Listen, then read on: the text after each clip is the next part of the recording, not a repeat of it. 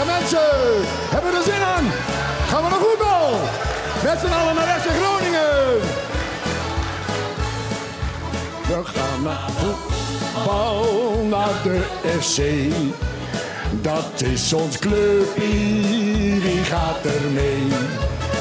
Is tegen Ajax of Feyenoord? Juichen wij als FC Groningen weer scoort. Als eindelijk de wedstrijd gaat beginnen, is voor ons de uitslag al bekend. Ons clubje FC Groningen gaat winnen. En ieder staat te juichen als een kind. We gaan naar voetbal, naar de FC. Dat is ons clubje, wie gaat er mee?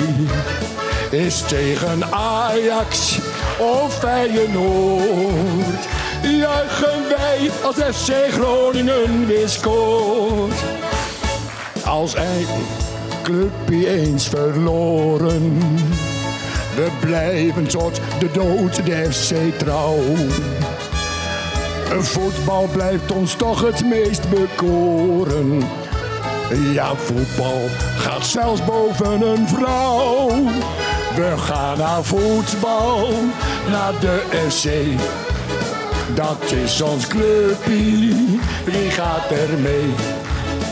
Is tegen Ajax of Feyenoord. Juichen wij als FC Groningen weer scoort. Zij laat ons grunnigers weer zingen. Schiet jouw eigen clubje naar de tol. Laat de trots van het noorden nu weer winnen. Toen zet de grote markt weer op zijn kop. We gaan naar voetbal, naar de FC. Dat is ons clubje, wie gaat er mee? Is tegen Ajax of Feyenoord. Juichen wij als FC Groningen weer scoort. Nog een keer! We gaan naar voetbal, naar de FC. Dat is ons clubje, wie gaat er mee? Is tegen Ajax of Feyenoord. Juichen wij als FC Groningen weer scoort. Juichen wij als FC Groningen weer scoort. Tjoi, tjoi, tjoi. Dank u wel mensen. Een plezierige avond en een goed jaar voor FC Groningen. En terecht, Wouter Holsappel zei daar net al... de avond kan nu eigenlijk niet meer stuk. Eh, ik zal me even voorstellen, ik ben Neil Peetsen... gevraagd door de mannen van de Kon Veel Minder podcast... om deze avond aan elkaar te praten. De 200ste aflevering van de Kon Veel Minder podcast. Eh, ik zal hier eerlijk zeggen... we hebben net de eerste anderhalf minuut gehoord van de eerste... Vrij knappe prestatie als je dat hoort, dat ze de 200 hebben gemaakt. Ehm, dat gaan we vanavond vieren hier. En hoe gaan we dat vieren? Nou, de 200ste aflevering gaan ze zometeen hier opnemen. Daarna gevolgd door een quiz. En ik kan zeggen, dan is er een korte pauze. Na de pauze is er een eh, fantastische tafel met FC Groningen Legends, kan ik wel zeggen. En eh, aan het eind van de avond is er nog een eh, verrassing. En ja, dat vinden ze heel vervelend, want het staat niet in het draaiboek. En ik zie Thijs Faber nu al denken, wat is dan die verrassing? Ja, dat is een verrassing, Thijs Faber. Ehm, laten we gelijk maar de eerste man naar voren halen. En ja, dat kan je het beste doen met uh, Maarten Siebel. Mag ik een groot applaus voor de presentator.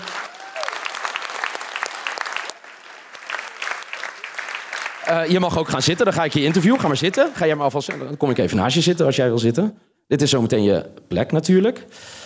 Ja, die eerste minuten, als je die nu terugluistert, wat denk je dan?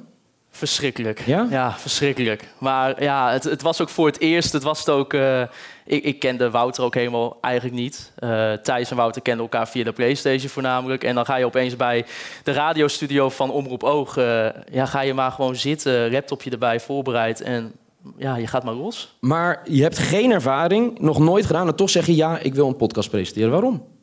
Ja, ik had altijd wel met, met Thijs het gevoel van... Uh, we vonden podcast leuk en we dachten van... Nou, uh, kunnen we hier wat mee? We hebben dus een beetje een media-achtergrond met, uh, met de studie. En toen dachten we eigenlijk van... Nou ja, eh, er is nog niks over FC Groningen. Uh, wellicht kunnen wij dat beginnen. En ja, eigenlijk is het in die eerste aflevering denk je, ja, verschrikkelijk. Maar toch op een of andere gekke manier begonnen al best wel wat mensen te luisteren. En is dat eigenlijk gewoon het startpunt geweest voor ja, tot nu toe die 200 afleveringen. Ja, ik kan me voorstellen voor zo'n eerste uitzending best wel veel zenuwen. Nu je 200ste, kijk eens. Gewoon live. Ja, ja gek. Wanneer, wanneer had je meer zenuwen?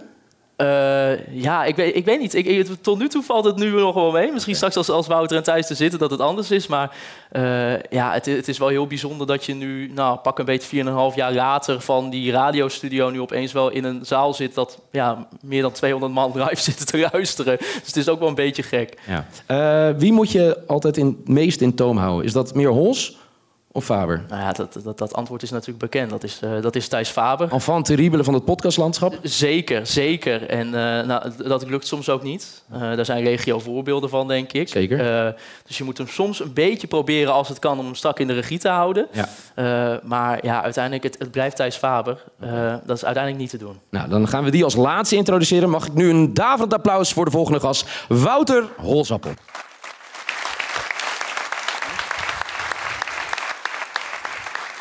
Schuif ik ook gewoon weer door. Wouter Holsappel, voor jou is het eigenlijk een nog veel groter wonder dat jij hier zit. Ja, dat is Want, wel zeggen, ja. Uh, 2018 begon het. Ja. En toen was jij nog voor een andere club. Nee. Nou, je mag niet liegen. Nee, ja. ja. Ik... Leg het even uit. Er zijn sommige mensen die het inmiddels niet meer weten. Ah, nee, dat weet iedereen wel, joh. Ja. Dat is, de, de, sommige dingen moet je niet over praten. Je was voor die club uit Amsterdam, maar dat is inmiddels helemaal veranderd. Ik heb speciaal een groen jasje aangetrokken. Heel goed, ja. Uh, je, die eerste uitzending uh, zat je er een beetje bij. Al, je deed de techniek. Mensen, hè, als het niet goed ging in het gesprek, mocht je ingrijpen. Ja. Ja, er is toch wel iets veranderd uh, door de jaren heen. Ja, nou, um, de, het eerste jaar was eigenlijk de bedoeling dat Thijs en Maarten eigenlijk elke week een uh, gast uh, zouden hebben. En volgens mij zijn er ook echt iets van 10 of 15 in deze zaal die dat waren. Op een gegeven moment was ook een beetje de gasteninspiratie op. Ja, en ik bleef daar maar een beetje rondhangen. En ze kwamen eigenlijk gewoon niet meer van mij af. Dat is eigenlijk een beetje wat, uh, wat er gebeurde. Ja. Op een gegeven moment ben ik er maar gewoon bij gaan zitten. Zo werkt Thijs Faber wel een beetje, Nou ja, van Thijs Faber kom je al helemaal nooit meer af. Nee, nee zeker. Uh, 200ste aflevering. Ja. Uh, ik ga niet weer hetzelfde verhaal wat ik net tegen Maart Siepel zeggen, ook tegen jou. Dat het fantastisch is met zoveel publiek. Maar wat is nou een aflevering van die 200 of van die 199 tot nu toe... waarvan je denkt, ja, dit was echt het aller, allerbeste wat we hebben gemaakt? Ja, ik denk dat er vanavond nog wel een... Uh, ja, het beste, het meest spraakmakende, denk ik. Ja. ja, ik weet ook niet... Ik, ik, elke keer als ik het terugluister, de ene keer denk ik het was de beste... de andere keer denk ik dit was dus eigenlijk heel slecht. Is dat, en er was er eentje waar ik niet in zat namelijk. Maar er was er eentje waar uh, uh, Maarten wel in zat overigens. En Thijs ook. En uh, Mark-Jan Flederis. Nee, ik wilde zeggen iemand die nu niet meer werkzaam is nee, Nee, nee, nee. Die heeft dat interview uiteindelijk niet overleefd. Tot groot verdriet van Thijs Faber. Ja. zullen we maar gewoon bijhalen. De enfant terrible van de Kon Veel Minder podcast. Thijs Faber.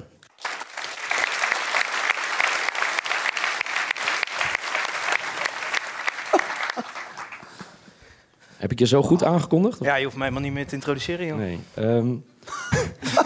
oh, dan ga je nu alsnog. Nee, ja, nou, dat, het is wel zo netjes als ik de anderen ook wat vragen heb gesteld.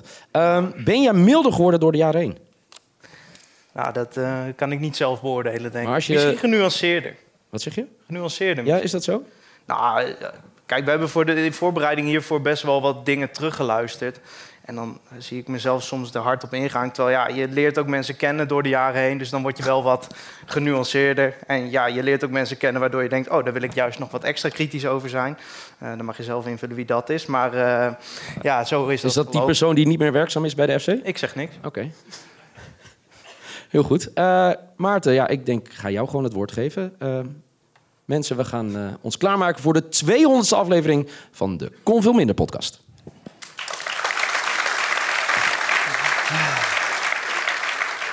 Ja, ja, kon veel minder de podcast. Aflevering 25 van seizoen 5. Mijn naam is Maarten Siepel. Nou ja, ze zijn zo net natuurlijk geïntroduceerd. Ik zit aan tafel met Wouter Rolzappel en de one and only Thijs Faber. Ja, jongens, uh, we gaan terugblikken natuurlijk ook op Emmen. We gaan terugblikken op 200 afleveringen Kon veel minder. Maar ja, hoe is het om in plaats van in een ja, zolderkamer aan de Paterswoldse weg in Groningen-Zuid te zitten... in vergelijking tot ja, dat deze mensen nu eigenlijk naar ons zitten te luisteren? Ja, het is wel een beetje gek. Ik bedoel, normaal gesproken dan zit je lekker, zitten we lekker in zo'n uh, ja, echt een zolderkamer. Het is gewoon letterlijk een zolderkamer. En eh, ja, nu zitten er dan allemaal mensen te kijken. Ja, hoe is dat voor jou, Thijs? Nou, ik word er niet anders van. dat niet, hè? Dat niet. Nee, wij gaan eh, terugblikken. We hebben een aantal dagen extra gehad om even rustig te kunnen nadenken van, nou, hoe was het eigenlijk nou tegen FC Emmen? Eh, FC Groningen speelde in eigen huis gelijk met 1-1. Doelpunten eh, van Ricardo Peppi aan Groningen zijde en aan FC Emmen zijde was het Miguel Araujo. Ja, van tevoren, eh, ik heb het volgens mij ook nog in de, in de voorbeschouwing met, eh, met Daan Hooiveld van, eh, van Kijk op de Meerdijk besproken. Misschien wel de belangrijkste wedstrijd in het tijdperk van de Euroborg, gezien de situatie naar je staat. Voelden jullie die spanning eigenlijk ook, Thijs?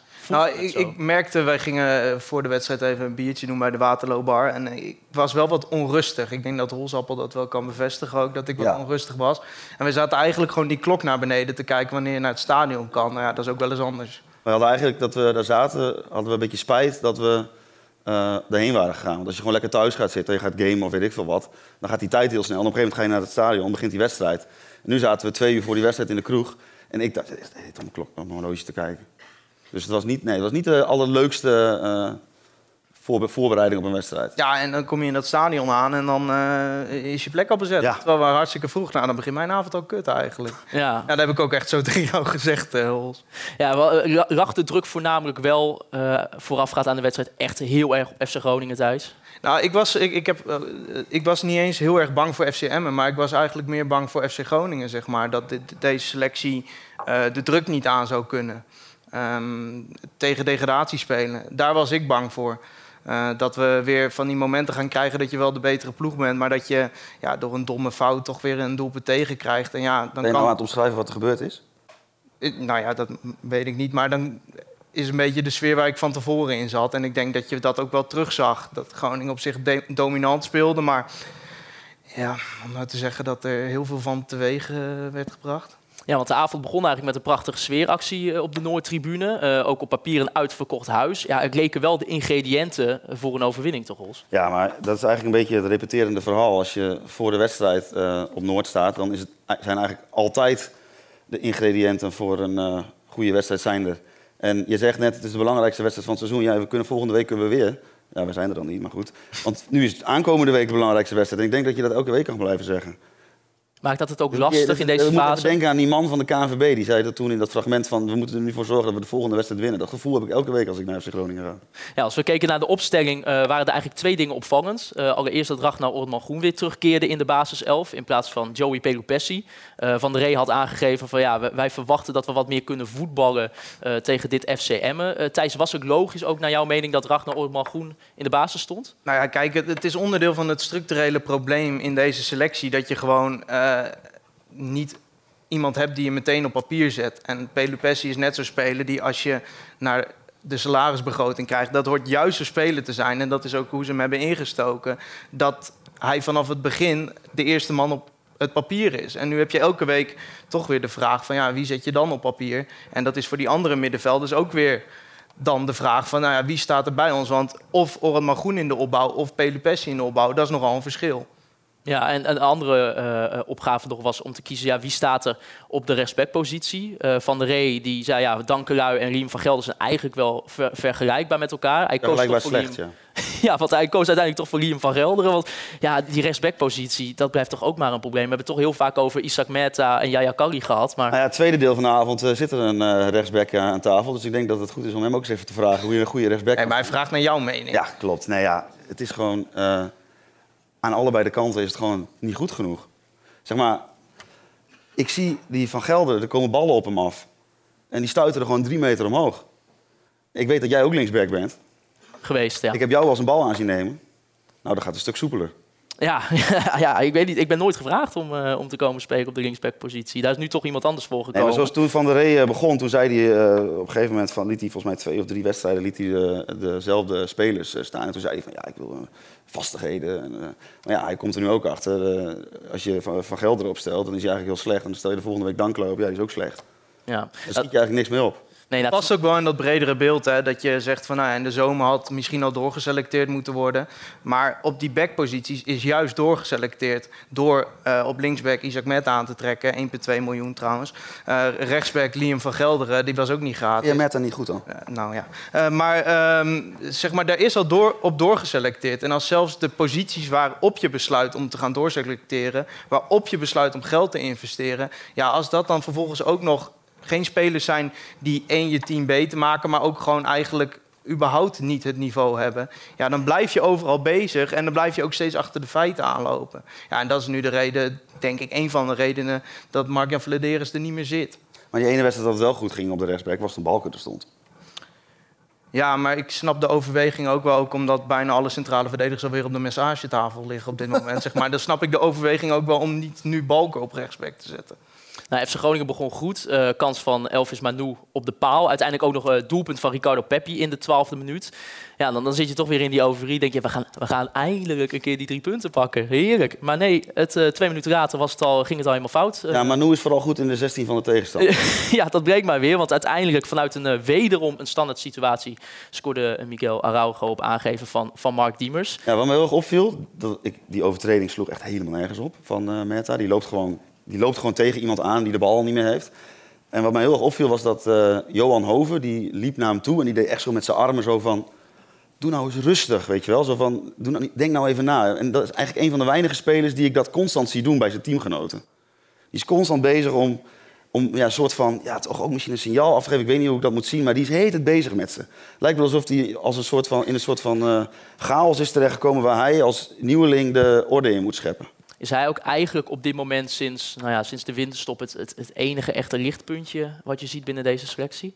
Nee, niet de enige. Ik vond uh, uh, tot nu toe wat ik van uh, Alman heb gezien, vond ik ook een enorm lichtpunt. ja, goed, die ligt dan weer op de massagetafel. dus um, ja, wat nog meer lichtpuntjes. Ja. Nee, maar die vrije trap is natuurlijk ook typerend, zeg maar. Als je in zo'n fase op 1-0 komt, je begint redelijk goed, je komt op 1-0. Dat is zo'n moment dat je normaal, of normaal, ja, wat is normaal, maar dat je die 1-0 kan gaan uitbouwen. En dat je gewoon rustig het uit kan spelen, geconcentreerd. Ja, als je dan na twee minuten meteen dan weer een tik om de oren krijgt, ja, dan weet je hoe het met het team gaat. Ja, dan stort het gewoon weer helemaal in elkaar. Hoe, hoe verklaar je dat we dit seizoen toch al met zoveel standaard situaties te maken hebben gehad waar een tegengoal uitvalt voor FC Groningen? Hoe kan dat? kwaliteit. En, kwaliteit. En het is ook gewoon trainbaar, daar ben ik ook wel van overtuigd. Maar ja, er zijn zoveel aspecten aan het spel die nu de prioriteit hebben om te trainen, dat ik wel snap dat je de spelsituaties daar een beetje achterop laat komen. Maar ja, dat is ook wat ik bedoel met dat je eigenlijk constant achter de feiten aanloopt. Dat je nu Jetro Willems weer gaat halen, dat is ook weer paniek, weet je wel. Ik denk dat is hij er al? Nou ja, dat lijkt wel goed te komen, maar Reon is ik kijk Reon even aan. morgen hoor morgen, ik. morgen. Maar uh, kijk, dat is weer paniek, hè?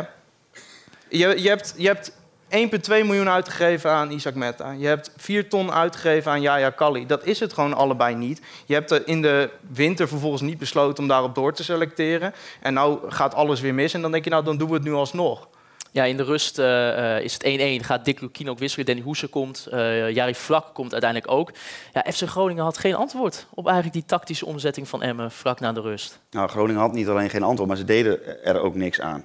Dus zeg maar, niet dat ik een trainersdiploma heb, maar mij lijkt het logisch dat als de tegenstander iets verandert, dat je gaat kijken, oké, okay, wat veranderen ze? En moeten wij dan ook iets veranderen? Maar dat gebeurde helemaal niet. Het ging gewoon hetzelfde. En dat, dat gaf volgens mij uh, Balker ook aan na de wedstrijd. Van ja, we wisten even niet wat we moesten doen. Dus ja. is dan niemand en in de ploeg en aan de zijkant die dan bedenkt, oké, okay, Emmen verandert iets. Dan moeten wij ook iets veranderen. Of daar moeten we ons op aanpassen. Of we, we moeten iets. En je zag gewoon dat Emmen het uh, initiatief gewoon compleet overnam. Ja, Thijs, hoe keek, hoe keek jij eigenlijk naar die tweede helft vanaf de tribune? Waarin FC Groningen, ja, de FC Emmen leek toch sterker te worden. Ja. Uh, natuurlijk uiteindelijk de rode kaart van Mike de Wierik, uh, dankjewel. Maar vervolgens kwam daar niet uh, echt een, een, een, waardig slotoffensief volgde daarna.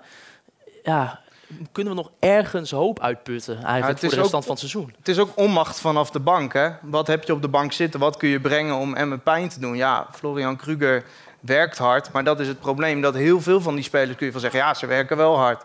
Maar ja, Florian Kruger, dat is ook een verhaal. Ook een miljoen aan besteed afgelopen zomer. Ja, de staf heeft nu ook zoiets van, ja, is het nou een spits of een tien? Eigenlijk niemand weet dat. En dat is ook niet een speler die je brengt dat ze bij M achterin denken van nou ja, nou gaan we toch nog verliezen. Ja. dus dat, ja, het is ook een beetje wat kun je inbrengen. Abraham is nog lang niet fit.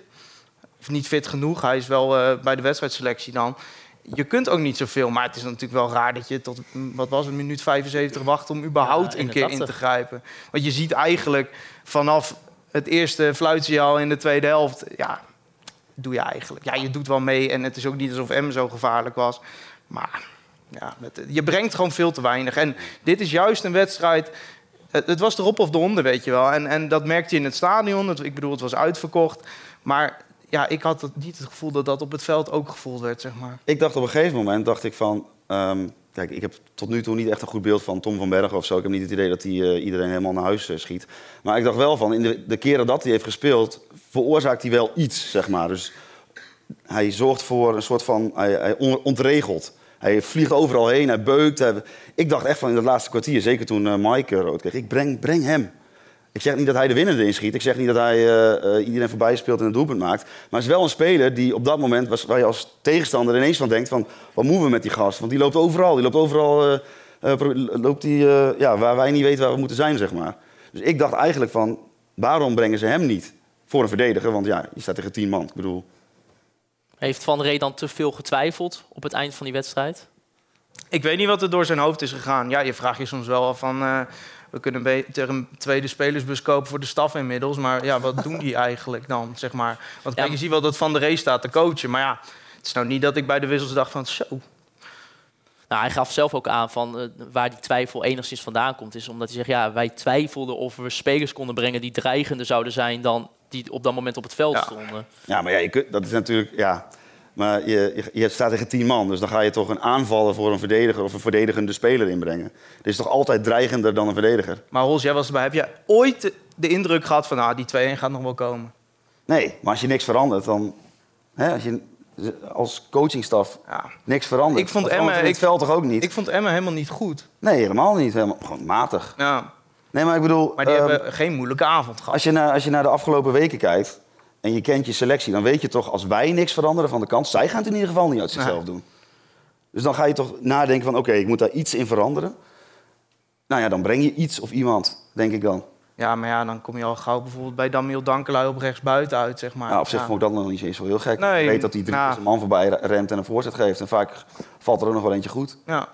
Ja, nu eh, eh, hoorden we toch ook veel in, nog in de andere, andere media van ja, moet er wellicht nog een nieuwe trainer komen? Ik bedoel, Oh, welke zijn, media eh, nou, het RTV Noord, Dagblad van de Noorden in de podcast. Ik heb ze beide geluisterd natuurlijk ter voorbereiding op deze avond. Maar ja, daar kwam wel die Wat, discussie wat op vond gang. Stefan Bleker daarvan dan? Ja, ik weet niet meer zo goed. Ja, Ik zit Stefan in de zaal. Ik weet niet. of Stefan- Stefan de man. Maar eh, ja, nee, ik, maar Of de- eh, moet Joop Gal eh, komen? Ja, nou, als je het aan mij vraagt, niet. Maar het is, het is wel een soort van voor, voor sommigen denken wel van ja, is dat nog één redmiddel voor de restant van het seizoen? Dat je denkt, ik breng gewoon alsnog een ervaren trainer. Ja, Wout Gudde die zegt zelf van ja, we hebben met Hans Westerhof hebben we iemand binnengehaald die die ervaring brengt. Eh, we denken dat de staf wel ja, uitgebalanceerd genoeg is. Hier gaan we het mee doen. Nou, wat, wat, wat ik een klein beetje over denk is, zeg maar... Ik vind van wel, maar dan had je dat al moeten doen. Dus ik, dat is een beetje het probleem met alle beslissingen die de laatste tijd genomen worden bij de club. Het is elke keer te laat. Dus het is elke keer achter de feiten aanlopen. Ik denk inderdaad dat je best een andere trainer dan Van der Ree voor de groep had kunnen zetten. Ik gok, ik ken de man niet, maar ik, ik kan me heel goed voorstellen dat het een prima trainer is om in een rustige periode van de club hem zo iemand de kans te geven en te zeggen: Hier, eh, we zijn afgelopen seizoen achtste geworden, doe het maar. Maar nu wil je volgens mij iemand die, ja, die ook naar buiten toe uitstraalt van we gaan er alles aan doen. En dat is natuurlijk nu iemand die daar nog nooit in die positie heeft gezeten. Dat vind ik vooral. Maar ik weet niet of het nu nog een verstandig moment is om te doen. Maakt het ook lastig Thijs, voor... eh, nou ja, het- eh, moet- Danny Buis, Thijs? Ja, je gaat op een gegeven moment gewoon maar zelf ook uit paniek denken... ja, misschien redt Danny het wel. Maar ja, Danny heeft ook de laatste zeven verloren. Vorig jaar met bijna dezelfde groep. Dus ja, eh, eigenlijk voor je gevoel, omdat het huidige eigenlijk zo matig is allemaal... denk je dat alles wat je er maar bij haalt meteen iets toevoegt. Maar ja, ik denk dat het... eh, ik ben bang dat het gewoon een beetje een soort nachtkaars wordt. Ja, nou ja, ik ben ook wat cynisch aangelegd. Ja, FC Groningen eh, staat nu 17e met drie punten achterstand op eh, de nummer 16 eh, FC Emmen en zes punten achterstand op Excelsior, de tegenstander van aankomende zaterdag. Ja, we, we- blijven eigenlijk maar constant in herhaling vallen van, nou, nu is dit de Dit wordt hem. wedstrijd. Dit wordt hem. De belangrijkste wedstrijd Ja. van het seizoen. Ja, is het een beetje hoop ook in dit geval weer uiteindelijk ja, uitgestelde teleurstelling? Waarvan akte, ja. Ja, nee, maar ja, serieus. Ehm, ik zei het eigenlijk ook al tegen Emmen. En dat heeft ook weer een beetje met mijn aard te maken. Misschien eh, qua cynisme. Ja, als je dan deze wint, dan is volgende week ineens een belangrijke wedstrijd. Dus eigenlijk, of je hem nou wint of verliest, uiteindelijk denk je van... nou ja, dan maar volgende week. Maar ja, uiteindelijk gaan de opties gewoon op zijn natuurlijk. Nou, ik weet niet of je ook het programma hebt gezien voor de, de week Ja, daarna. Met, eh, bestudeerd, met AZ uit, Feyenoord uit. Nou, ja, dan krijg je Oh, nog de, nog- enige noordelijke club die geen degradatiestress heeft. eh SC Heerenveen. Hebben we eerst nog eh, Heerlijk Excelsior? schema. Ja, maar ja, gaat het nu wel gebeuren, Hols? Dat willen de mensen hier toch ook weten. Kunnen Ja. wij nog ergens vertrouwen uitputten als supporters? Tuurlijk. Er komt een keer een eh, moment en dan gaat het gewoon lukken. Gaan we dat zien. Eh Jetro Willems lijkt dus, eh, dat wordt hier even ook nog bevestigd door, uh, door eh, de polyvalente clubwatcher van Voetbal International. Morgen komt hij binnen. Iemand die vertrekt, dat is Yaya Kali. Die gaat voor de rest van het, van het seizoen naar IFK Noorcupping. Nou, als, ze Komt hem er ook nog leren, wel bij, ja. als ze hem leren voetballen, dan is het een goede voetballer. Ja, tot nu toe eh, tien wedstrijden gespeeld voor FC Groningen. Gaan we hem ooit nog terugzien, denk je? In Groningen? Nee. Nee? In pubquiz wel, denk ik. Ja, Ja, in de 20 pubquiz. jaar, Ja, ja. ja, nou ja, wat wij altijd wel toch ook doen. En Ja, dat ja, ja, Ook wel even live vragen. Dan kijk ik ook nog even naar de techniek. Wij hebben altijd op het moment dat de speler vertrekt. Ja, dan kan er maar één iemand binnenkomen. En dat is, dat is via Buurse met beste maar weer. Dus laten we daar toch even met z'n allen naar gaan luisteren, als dat kan. Het beste van weer, het beste van weer. Gaan we besluiten, wat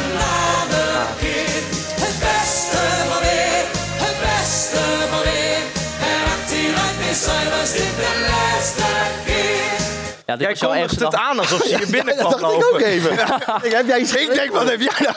We hebben dit draaiboek elke seconde Ja. uitgeschreven. Ik denk, nou, daar komt Via. Je hebt Nee, het gefixt. nee. Maar Ja, Via was te duur. Ja. Zo, eh, gewoon Ja. één we hebben Willy. Bomba nog wel duizend piek geboden, maar Ja. ook die wilde niet komen. Maar eh, nee, Via Buus kon echt niet in de budgettering. Nee, nee helaas, eh, helaas niet. Ehm, nu eh, hebben wij natuurlijk 200 afleveringen opgenomen van, van deze podcast.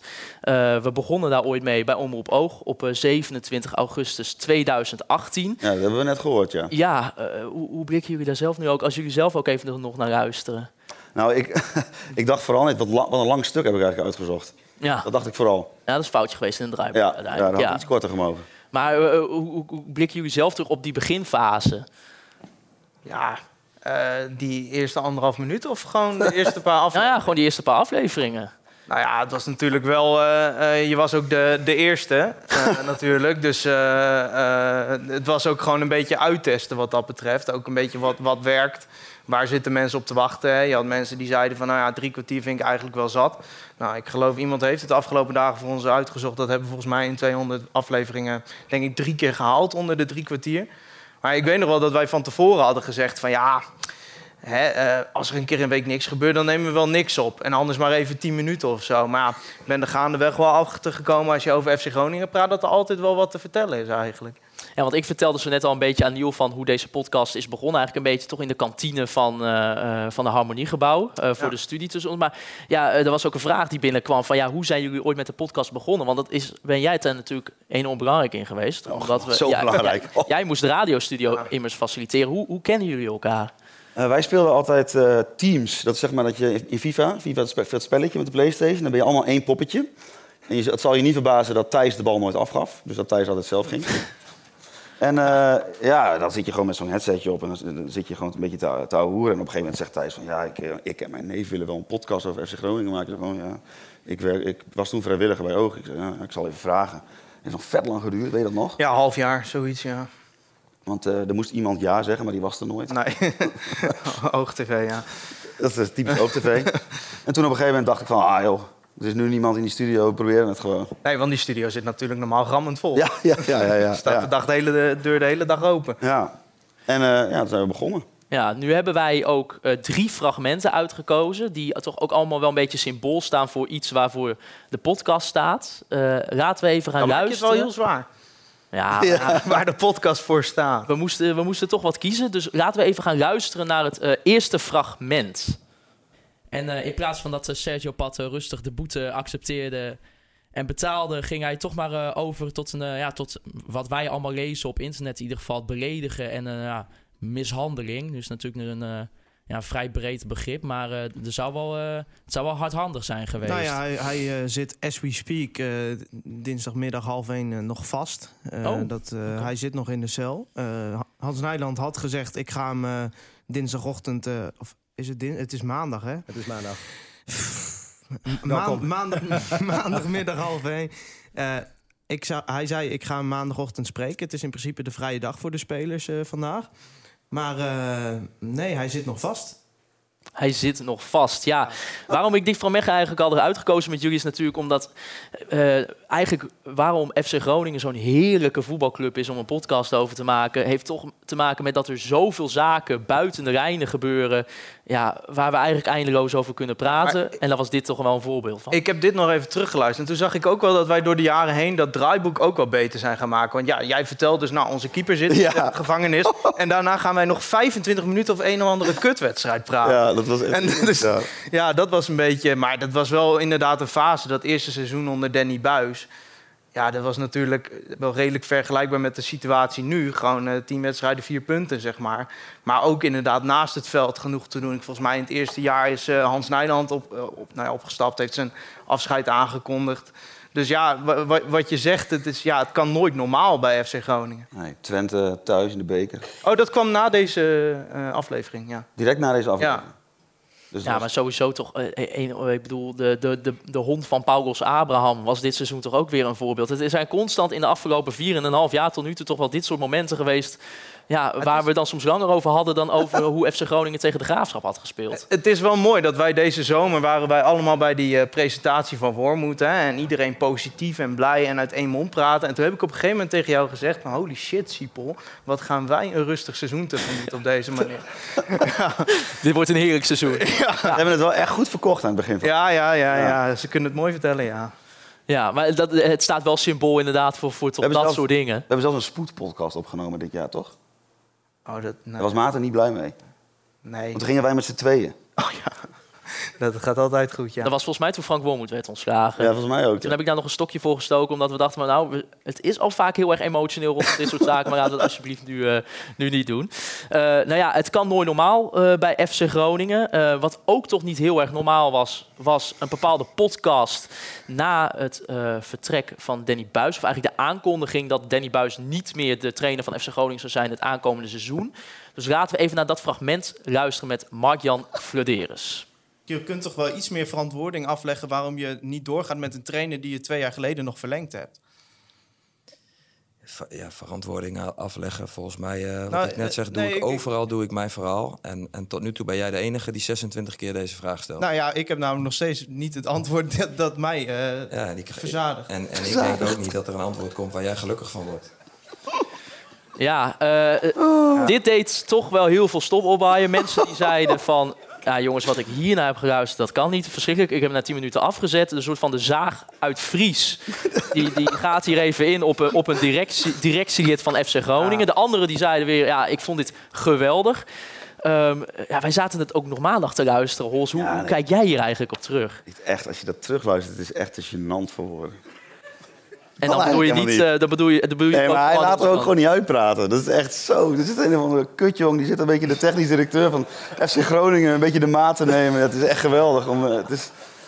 Maar wat ik nog het allermooiste van die aflevering vond... Ja, jij bent de redelijkheid zelf, hè, Maarten? Jij bent een zachte jongen, je bent hartstikke lief. Dus op een gegeven moment was dat een beetje uitgeraasd, die, eh, die, die, die, Die, die storm. die storm van Thijs. En eh, jij probeert nog een beetje de, ja, lieve vraagjes, wat persoonlijk. En weet je wel, hoe gaat het met je, dat soort dingen. Een en Thijs, jongen, die komt vanuit het niks, komt er weer. "Wa- waarom heb je Danny er dan uitgegooid? Ja, Mark-Jan die zat echt langzaam te verdrinken. En toen wou ik hem eigenlijk nog zo uit het water tillen. En toen duwde Thijs mij er eigenlijk gewoon bij in. En ze gaan samen maar. ik, heb dat Zo gefilmd, dat. en- ik heb dat gefilmd en als je dat in een timelapse zou doen, zou je die ader op zijn hoofd zou je zo steeds groter zien worden. Ja. Ja, het is natuurlijk nu eh, wel een beetje makkelijk. Omdat eh Mark-Jan Ja. Verdeers uiteindelijk ook nu niet meer de technisch directeur is bij FC Groningen. Maar ja, eh, Thijs, hoe hoe blik je daar eigenlijk nu zelf op terug? Zeker nu we hem ook weer maandag hebben geluisterd. Ik denk wel dat de vraagstelling wel iets milder had gekund. maar kijk, het was gewoon een samenloop van omstandigheden ook. Hè. Wij worden daar dan om half negen ochtends eh, uitgenodigd. Nou ja, tegenwoordig eh, ben ik helemaal in de negen tot vijf mal gegoten. Maar in die tijd zeker niet. Dus ja, dan kom ik al mijn nest uit, weet je wel, eh, daarvoor. En dan krijg je iemand tegenover je die dan daarvoor zegt... ja, ik wil eindelijk een keer toelichting geven. Ik denk, oh, mooi. En dan, ja, dan krijg je vier keer niet antwoord. Ja, en dat, ja, het is niet dat ik heel trots terugkijk op de manier waarop dat dan verder gaat. Los van dat ik wel achter de inhoud sta. Omdat ik denk dat toen wel al duidelijk werd dat de man wel veel luchtkastelen verkoopt. Nou ja, en we hebben gezien waar dat uiteindelijk in heeft uh, gereden. Nou ja, dat klinkt dan Maar eh, zeg maar. Maar eh, ik denk wel dat je daar al wel de eerste kleerscheurtjes zich- van de in hoor. relatie Vladeris Groningen. Houd je in, Thijs. Maar zijn we soms ook een beetje te negatief? Kan het soms ja. een tandje minder? Ja, zeker. Maar ehm, ik, ik heb later eh, het nog met de- over deze aflevering gehad met Mark Jan. Dus we, het is ook allemaal wel uitgesproken en zo. En hij heeft sorry gezegd en ik heb sorry gezegd. Waarom heeft hij sorry gezegd dan? Ja, hij had hij Oh ja. namen dat hij twintig keer mijn naam zei. Want hij begon de hele tijd Thijs, Thijs. Kijk, en als Adrie dat doet, dat zit gewoon in zijn manier van praten. Thijs, weet je wel. Maar bij Mark Jan dan voelde dat meteen alsof hij eh, ja, ook gewoon ja, terug wilde aanvallen op die manier. Of aanvallen. Ja, jij noemt al eh, Adrie Poldervaart. eh, toch ook iemand... eh, Heeft je gewoon een bruggetje, hè? Ja, heerlijk. Dat, Ik dat heb gaat 200 zo- afleveringen zo zo goed op elkaar ingespeeld nu. Kijk, natuurlijk Adrie, iemand die we toch ook allemaal wel een beetje in ons hart hebben gesloten. Eh, Ja. Het gaat natuurlijk ook niet goed met Adrie. Eh, het was wel eh, prachtig om te zien van alle kaartjes, eh, pakketten. eh, ook vanuit bijvoorbeeld onze telegramgroep van Conforminder. eh waar Ivo Nieborg eh, eigenlijk ook wel van... jongens, hier de tikkie, 2 euro... en ik ga een mooi pakket samenstellen eh, voor Adrie. Eh, maar... Eerder hebben wij natuurlijk ook al eh, eigenlijk prachtige momenten met die man beleefd. Dat ook wel symbool staat voor onze podcast. Dus laten we even luisteren naar een stukje omtrent Adrie Poldervaart. Stel je eens voor, stel je voor dat hij ook nog gaat scoren.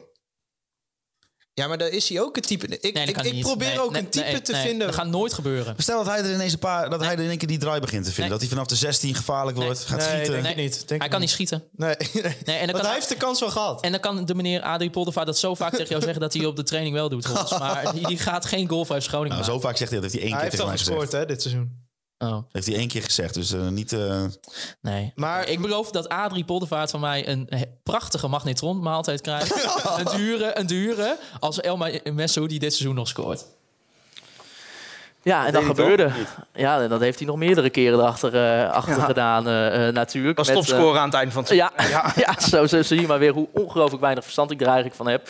Maar ja, het, het staat toch ook wel een beetje symbool voor wellicht toch ons de laagdrempeligheid die we toch als Nou, ik zei altijd tegen, te tegen iedereen van, ik, we proberen zo objectief mogelijk te zijn, maar als het over Adrie Poldervaart gaat, ben ik niet objectief. Ja, het is ook gewoon die, die hele situatie, zeg maar, die magnetronmaaltijd, dat, dat was al een grap eh, die ooit bestaan, ontstaan is. Wij belden Adrie, een keer video belde Adrie. En toen was hij een rijstwafel met ei aan het eten. En zei, joh, maar dat, dat, dat vult toch helemaal niet? En toen zeiden wij achteraf, nou ja, normaal schuift hij het natuurlijk in de magnetron. Maar die hele grap, dat zorgde dus ook bij Adrie voor. Ik weet niet hoe met jullie is. Ik heb gewoon tien keer een foto van eten van Adrie Poldervaart Hij, gehad. hij maakt vaak risotto. Ja, maar ook, eh, ja, nieuwe keuken, Doetinchem. En dan eh, meteen een foto van eten. Hij begon zich daar helemaal voor te verdedigen, ja. Maar het, zijn- het zijn toch meer ook van, van ja, de, de, laagdrempeligheid in de zin van dat we ook dingen hebben uitgezonden. Inderdaad, dat we bijvoorbeeld afgelopen eh, zomer in Barsinghausen waren en Hannover. Nou ja, eh, daar wil je niet dood gevonden worden. Nee, Levend ik weet niet of iemand eh, een stedentrip Hannover op de planning heeft staan. Niet doen. Nee, echt waar, vreselijk. Echt vreselijk. En dat, dat we dachten van, nou, wij gaan Joey Pelupessi, de, de nieuwe aanvoerder van FC Groningen, gaan we interviewen. En dat Thijs jij eigenlijk twee minuten voor tijd dat, we, dat Joey binnen zou lopen. Eigenlijk, terwijl William Pomp en Stefan Breken naast ons zitten ook een schnitzel te eten. Jij ook. En jij laat eigenlijk zo'n hele bak met paprika saus over je broek gaan. Nou ja, wij, wij aten dus elke dag in dat hotel. En dat was een viersterren hotel. Dus wel zoiets van, dat is wel goed eten. En dan, dan kwam de menukaart van de ober. En eh, ja, dat was eigenlijk de optie schnitzel, paprika of champignonsaus. Dus wij hebben daar drie dagen schnitzel zitten eten. Maar ja, ik heb inderdaad een keer... eh, tot eh, ja, groot genoegen van William Pomp een volledige bak paprika saus in mijn schoot gegooid daar. Heeft Joey daar ook eigenlijk nog wat over gezegd toen? Nou, jullie hebben dat eerst tegen Joey gezegd toen vervolgens. En toen zei Joey daar wel wat over. En William Pomp, dat vond ik wel mooi, die zei heel vaderlijk van... oh, maar dat moet je wel even schoon gaan maken. Die dacht dat ik zeg maar zo met mijn hele rode broek zo even naar Joey zou lopen. Van joh, hè, Joey, welkom. eh. zo doen wij dit altijd in de Groningse pers. En als we, als we terugblikken en dat dat soort momenten, eh, als bijvoorbeeld Ja. die magnetron Nou ja, over de, de, de magnetron. paprika saus. Weet je nog dat we pizza gingen eten bij Adrie?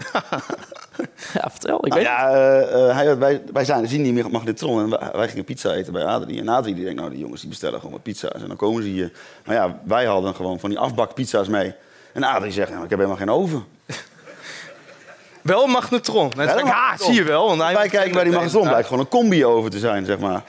Nou, eh, hij meteen... eh, Ja, maar dat wist hij helemaal niet. Hij woonde er al anderhalf jaar. Hij eh, ook meteen eh, Danny Buis video bellen, want Danny heeft er natuurlijk gewoond. Hè. De, ja, ja, voor buitenstaanders is dat soms onbegrijpelijk, maar de assistent en de hoofdtrainer van FC Groningen woonden in één huis.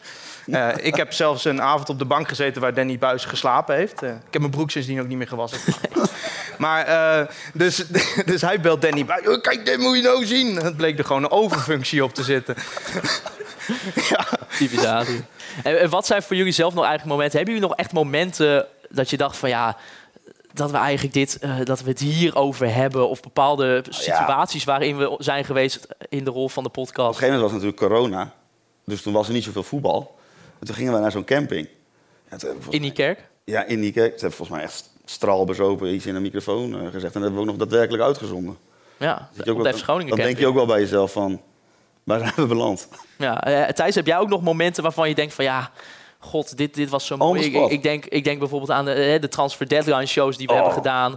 Nou, dat is Eh, wel leuk. Terugkeer van Kijk, Robben. Wij zijn nu eh 200 afleveringen met elkaar eh, onderweg. En ja, Holsappel en ik, wij zijn elkaar, eh, nou, wij zijn beter met elkaar le- leren leven, zeg maar, door de afleveringen heen. Ehm, maar luisteren naar elkaar, dat zit er niet echt. Het is niet dat Hols kan zeggen wat ik moet doen of ik moet, kan zeggen wat Hols moet doen.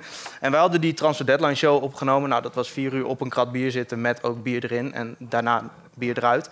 En daarna had eh, Stefan gebeld van ja, komen jullie naar die RTV Noord studio toe? Nou, toen hadden wij iets gezegd van nou, als de bier is, komen we wel. En toen liep ik door die gang bij RTV Noord en toen keek ik Hols in zijn ogen en ik denk ja... Hij gaat niet zo meteen op radio met daaronder Wouter Holsappel conforminder. Ik denk dat hele merk stort gewoon in. Dat hadden we hier niet gezeten. Nee, dus ik heb in de gang tegen hem gezegd van Hols, eh, één, jij gaat niet op radio. En tot mijn verbazing zei hij meteen, ben ik het helemaal mee eens. Nou, dat meteen ook het laatste keer dat dat ooit gebeurd is. Maar maakt dat ook toch wel het, het maken van de podcast ook wel heel erg leuk? Dat we het niet alleen over eh Damiel Dankerui hoeven te hebben, maar over Nee, hele andere randzaken. Nou, wat ik wel leuk vond, laatst eh, was er weer een transfer deadline en eh, we hadden niks geregeld. En toen gingen we gewoon even spontaan zo'n Twitter-space eh, doen, weet je wel. Dat mensen gewoon via Twitter mee kunnen luisteren. En er zitten gewoon 600 mensen naar je te luisteren. En het is gewoon, nou ja, dat lag ook wel door die Reon Boeringa, want die houdt ook niet op met praten. Maar het was gewoon echt gewoon heel leuk om te doen. Gewoon spontane dingen die ontstaan. eh, gewoon, en ja, mensen vinden het leuk en wij vinden het zelf heel leuk. Dus dat is wel gewoon heel tof. En hebben jullie zelf ook nog memorabele momenten of bijvoorbeeld gasten waarvan Heb je je dacht het toch van... net al gevraagd? Of, eh? Nou ja, nee, maar gasten van, van heb je bepaalde, hebben toch ook mensen te, ja, te eh, gast gehad waarvan je dacht van, ja, dat, dat had ik misschien ook misschien niet verwacht dat dat ook zo leuk zou zijn. Ja, dit is gênant. Nou, ik denk bijvoorbeeld aan een aflevering met Mo El Kouri. Oh ja. Ja, dat was wel leuk. Maar dat verbaasde niet per se. Maar dat Nee, maar- heel leuk om te maken. Terwijl ik met spelers normaal niet zo leuk vind. Nou ja, het was het, hij is natuurlijk wel een voorbeeld van een beetje een timide jongen. Eh, een jongen die toch ook niet altijd geliefd was bij de supporters. Daar moeten we toch ook wel heer- eh, eerlijk over zijn. Maar wel weer iemand die, die zo'n ontwikkeling doormaakte... met uiteindelijk ook dat hij aanvoerder was. Ik heb nog een memorabel moment. Toen jij er niet was. Welke aflevering? En Niel was er wel. En waarom? Nou ja, omdat eh, Thijs eh, zijn ego die was gekrenkt. Want ik stond natuurlijk toen nog bekend als supporter van een andere club. Ik heb geen idee welke trouwens. Dus Thijs zegt, ik laat mijn podcast niet presenteren door iemand die voor die club is. Dat, ga, ga- over- dat doe ik niet. Ik denk dat heel veel mensen in de zaal daarmee eens zijn dan met die. En toen kwam Niel Peek. Ik bedoel, bij RTV Noord... eh, En die nam, de, die nam de show een beetje over. En dat kon Thijs niet zo goed aan. Nee. Dus dat, nee. dat, is denk ik wel een, dat vond ik wel een van de leukste afleveringen. Dan moet je nagaan, hij zit hier gewoon. Hè? Ja. We hebben hem gewoon onze avond laten presenteren. Maar we zaten net in het restaurant om te discussiëren. En dan ben ik blij dat we hem niet aan tafel hebben. Ja, ik ook. Ik wou toch nog even eh Niel vragen... of hij, eh, of hij hierheen kan komen. Eh, want we zitten een beetje aan onze tijd. We, hebben, we kunnen wellicht nog misschien ook een paar vraagjes doen. Dan kan natuurlijk FC Gro- Groningen gerelateerd zijn of Conforminder gerelateerd. Voor mensen uit de zaal, even hand omhoog steken. Dan kom ik even langs met de microfoon. Wat zouden jullie nou altijd wel willen weten van deze drie heren? Mag over de podcast gaan of privé? Lie- liefst privé. Ouders van Thijs Oh, zitten nu- er ook, dus dat is ook wel interessant. Zo, Wie wil er wat vragen? Kijk, dat is lekker makkelijk dichtbij. Wouter, wanneer denk je weer naar de kapper te kunnen? Oeh, Ja, je weet aan het eind van de aflevering dat ik altijd de meest positieve ben. Hè? Dus ik voorspel altijd een overwinning. Dus ik zeg, eh, ja, ik ben volgende week op vakantie, maar als ik terugkom, dan mag ik naar de kapper. Want even, dat- is natuurlijk ook wel ongelooflijk gênant geweest, dat artikel in, in, in Sikkom over jou en jouw haar. Ik bedoel, eh, laten we zo zeggen. Ik Hey, denk, oh, oh, moet je luisteren, hè? Dit is het eerste artikel van, uit, de, uit de pen van Willem Groeneveld... waar geen negatieve reacties onder stonden. Nee, dat ja, begrijp ik. Maar ik denk, eh, ja, Thijs en ik hebben elkaar ook wel even goed in de ogen aangekeken. Zei Thijs, wat had jij nou gedaan als Willem Groeneveld had gezegd... ja, Thijs, ik wil een artikel schrijven eh, over eh, jouw eh, kapsel... en FC Groningen wint niet en jij gaat pas naar de kapper als, eh, ja, als FC Groningen wint. Ja, dan had ik tegen Willem gezegd dat ik hem een hele fijne vent vind vaak. Maar eh, dat hij dat eh, lekker met Wouter Holsappel kan doen. Want dat is wel degene die het meest in zichzelf is gaan geloven. dus dat is ook wel niet raar dat jij er wel ja op hebt gezegd.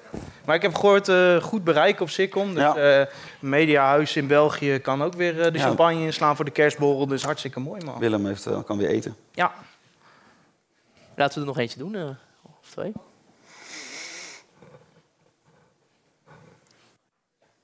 Ach, tuurlijk. Allereerst, Maarten, je bent wel het vergeten. De nieuwe Petje.affers aan te kondigen. ja. belangrijk. Maar ehm, gaan jullie eigenlijk door mochten jullie in de KKD terechtkomen? Ja, dat is natuurlijk wel een interessant puntje. Ik bedoel, Nee, we moeten toch wel realistisch zijn. Eh, eh, de kans is er.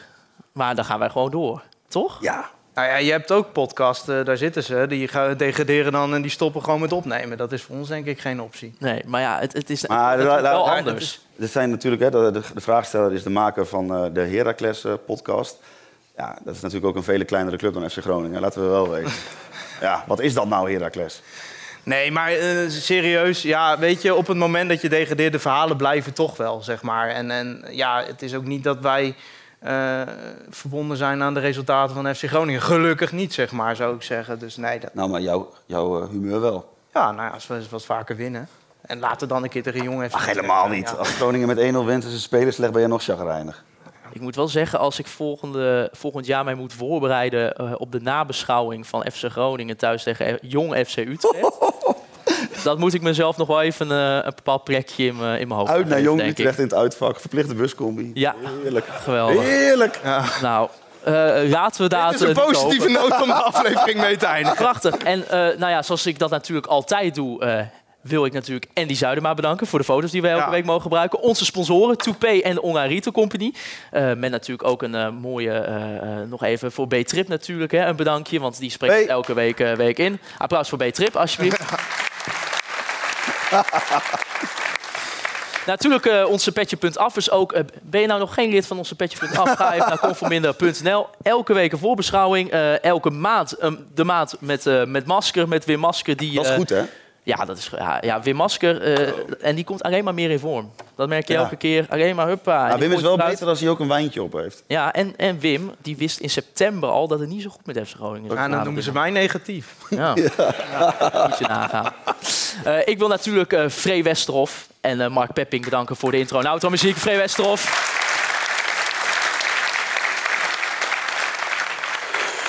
Ondanks dat ze natuurlijk er niet is eh, via Buze ook nog voor de beste man weer. Hè. Dat is toch ook altijd mooi eh, Ja. om dat, eh, om dat te, te zien.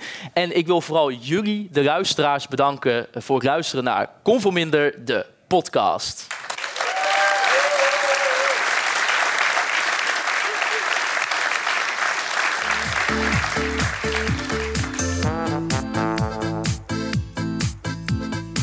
Want dit wordt een hele mooie tafel, jongens. We hadden net de Convol Minder podcast 200. En nu, eh, wat ik al zei, drie FC Groningen Legends. Allebei hebben ze een bepaalde historie met de club. En de man die dat aan elkaar gaat praten, is eh, toch wel een mooi verhaal. Ja, want eh, Maarten Siepel dacht op een gegeven moment... ik ga het, geluk zoeken in het westen. Nou, hij is inmiddels terug. Snel getekend bij Oog. Die zien we voorlopig niet meer terug in het Westen. Maar er moest dus een vervanger ge- gevonden worden voor de Convil Minder podcast, want die liep gewoon door. En dat eh, werd eigenlijk eh, indrukwekkend eh, ja, gepresenteerd de afgelopen maanden door eh, de man die ik nu naar voren ga halen. Mag ik een groot applaus voor Dimitri van Tel. Wil je ook gelijk gaan zitten Ja. zoals we het net deden? Ga ik ook even naast je zetten. Is dat jouw biertje? Ja, zeker. Ja, Dimitri, dat is wat. Dan moet je de grote Maarten Siepel gaan vervangen. Ja. Wat gaat er dan door je heen? Ja, een mooie sportersvraag. Ja, heel veel. Nee, ik weet nog de eerste keer dat ik dat, eh, dat, ik dat moest doen. Dat was gelijk een leuke binnenkomen. Want eh, Thijs en Wouter, die, we nemen altijd op bij eh, Klaas Jan. Zit hier ook eh, ergens in het publiek. En ik weet nog dat het gelijk de eerste convol minder ruzie ooit geweest is. Oh. Die gingen aardig tegen elkaar tekeer. En toen zat ik daar en dacht van, nou leuk, we moeten nog een podcast gaan Waarover opnemen. ging de ruzie? Mag ik dat vertellen? Ja, tuurlijk. Kan je, er Ja? zit niemand mee te Nee, dat was, eh, was na Volendam. En dat was... nee, na Go Ahead Eagles moet ik zeggen. Op een zondag eh, kwart over twaalf. En dan dachten we van, eh, we gaan nog even de kroeg in. En eh, Thijs was het niet mee eens dat Hols een paar biertjes had gedronken. Oké. En toen, nou, toen was ik... Was je dus eigenlijk presentator, mediator in één? Ja, in één. Ja, maar het is opgelost. Oké, heel goed. Ehm, gaan we gelijk de volgende gast naar voren halen. Hij is ook wel het geweten misschien wel van de Groningen journalistiek. En heeft sinds al... Hoe lang nu, Os? Een rubriek? Hoe lang is dit? Goed, heel goed dat je weet. Een jaar! Maar hij was... eh, hij heeft inmiddels een jaar een rubriek bij de Minder podcast. Maar hij was ook gast nummer drie. Want zoals Thijs en Wouter net zeiden... Ja, we wilden ook wel eens opnemen wanneer er geen voetbal was. Nou, en toen belde ze gewoon Wim Masker. En het was misschien wel een van de leukste afleveringen in het eerste seizoen. Mag een groot applaus voor Wim Masker.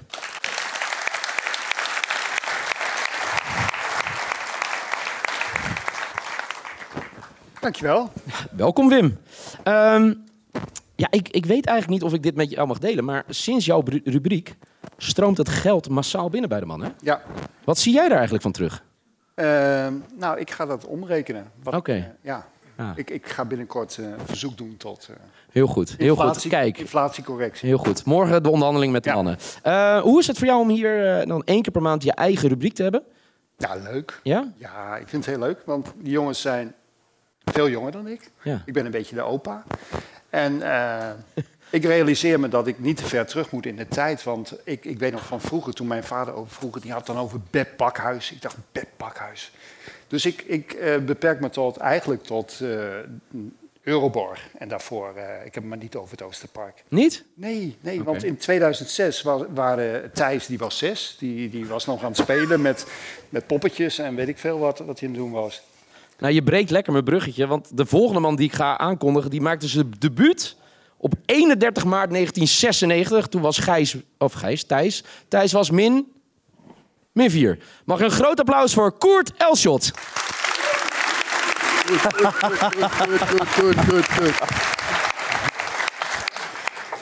Koert, welkom.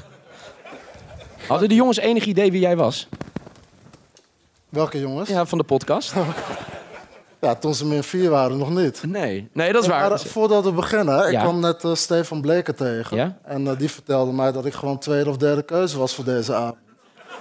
Oh, dat verbaast me niks dat Stefan Bleker dat tegen je zegt. eerlijk, hè? Als ik dat had geweten, was ik niet gekomen natuurlijk. Oké. Oh, maar ik kan ook wel een boekje open doen hoe het eh, ging of ik deze avond wilde presenteren. Dat was eerst, moest ik namelijk Kees Kwakman regelen voor deze beste heren.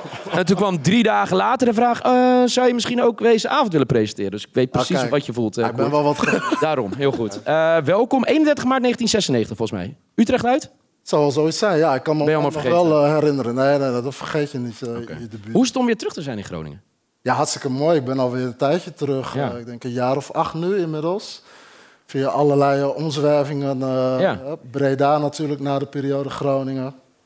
Antwerpen gewoond, Deventer gewoond, Amsterdam, Almere.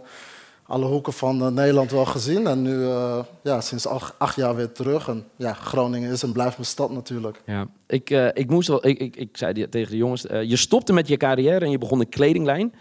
En ik vond het zo vet. Toen heb ik een shirtje van jou gekocht. Zwart shirtje, V-hals, roze letters. Finoer. Finoer. Ja. Maar wat betekent het eigenlijk? Ja, dat is een hele goeie. Ja, Oké, nou ja, dat maakt het niet uit. Als ik, het weet niet- nog, ik weet nog wel dat er een, een logo... eh ik het was supermooi. logos. Ja, we moesten ergens beginnen. Oké. Je- Nou, dan voel ik in ieder geval niet heel slecht dat ik niet weet wat ik droeg of wat, er, wat het betekent. Als jij het zelf als oprichter Ja. en bedenker het ook niet was wist. er zeker iets heel lulligs. Ja, het was iets in het eh, IJslands, volgens mij. Dat was het idee, toch? Ja, dat was wel een beetje eh, die richting. Goed, we gaan het gewoon over hele andere dingen hebben. Ehm, leuk dat je er bent. Ga ik de man die ik moest dus regelen voor deze avond, ga ik naar voren halen. Het is eh, de man die eh, twee seizoenen hier speelde, maar desondanks een hele sterke binding heeft met de FC. Mag ik een groot applaus voor Kees Kwakman.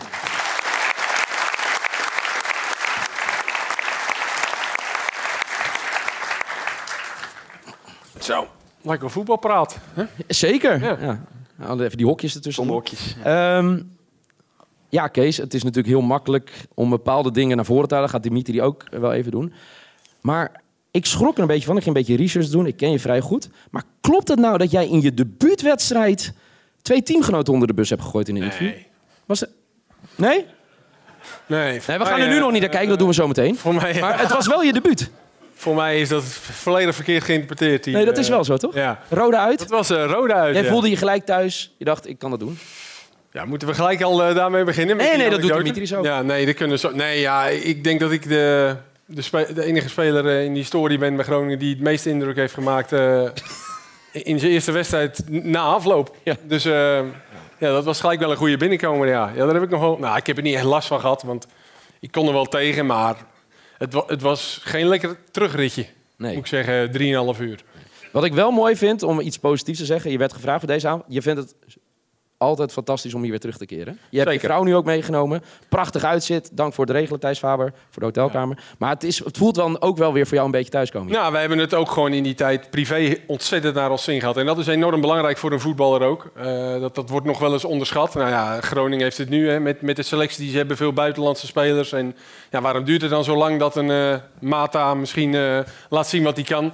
Ik hoop dat het nog komt. Maar eh, ja, dat, dat heeft allerlei redenen. En, en zeker privé hadden wij het enorm naar ons eh, zin. We woonden in Zuid-Laren. We hebben ook vrienden aan overgehouden. En ik... eh, ja, en het is ook twee uur rijden, dus vaak blijven we ook nog even, even slapen. Dus, eh, Zeker. Nou, zal ik dan nog met iets positiefs Nou. afsluiten? Eén doelpunt gemaakt? Ja, dat eh, hield niet over. Nee, maar je weet nog wie de assist gaf? Uiteraard, ja. Ja, de man die ik eh, naar eh, Liverpool uiteindelijk heb eh, begeleid. Virgil van Dijk. Ik eh, laat het lekker over aan jou. Wel, hebben we hem of niet? Nee. Nee. Mag ik een groot applaus voor deze vier mannen? Kunnen jullie van stoel wisselen? Jij met Kees? Ja. Voordat we gaan beginnen, zou jullie met van stoel kunnen wisselen? Met Wim. Kees, jij en, eh, en Wim. Ja. Gaan we het even zo doen. En dan mag je iets meer naar het hoofd schuiven, eh, Ik wil Wim. die even. En dan ga ik ook eerst Een lijntje even een, meenemen, huishoudelijke mededeling eh, aan jullie mededelen. Want net hadden we een vragenronde. Dat gaan we straks eh, aan het einde ook doen.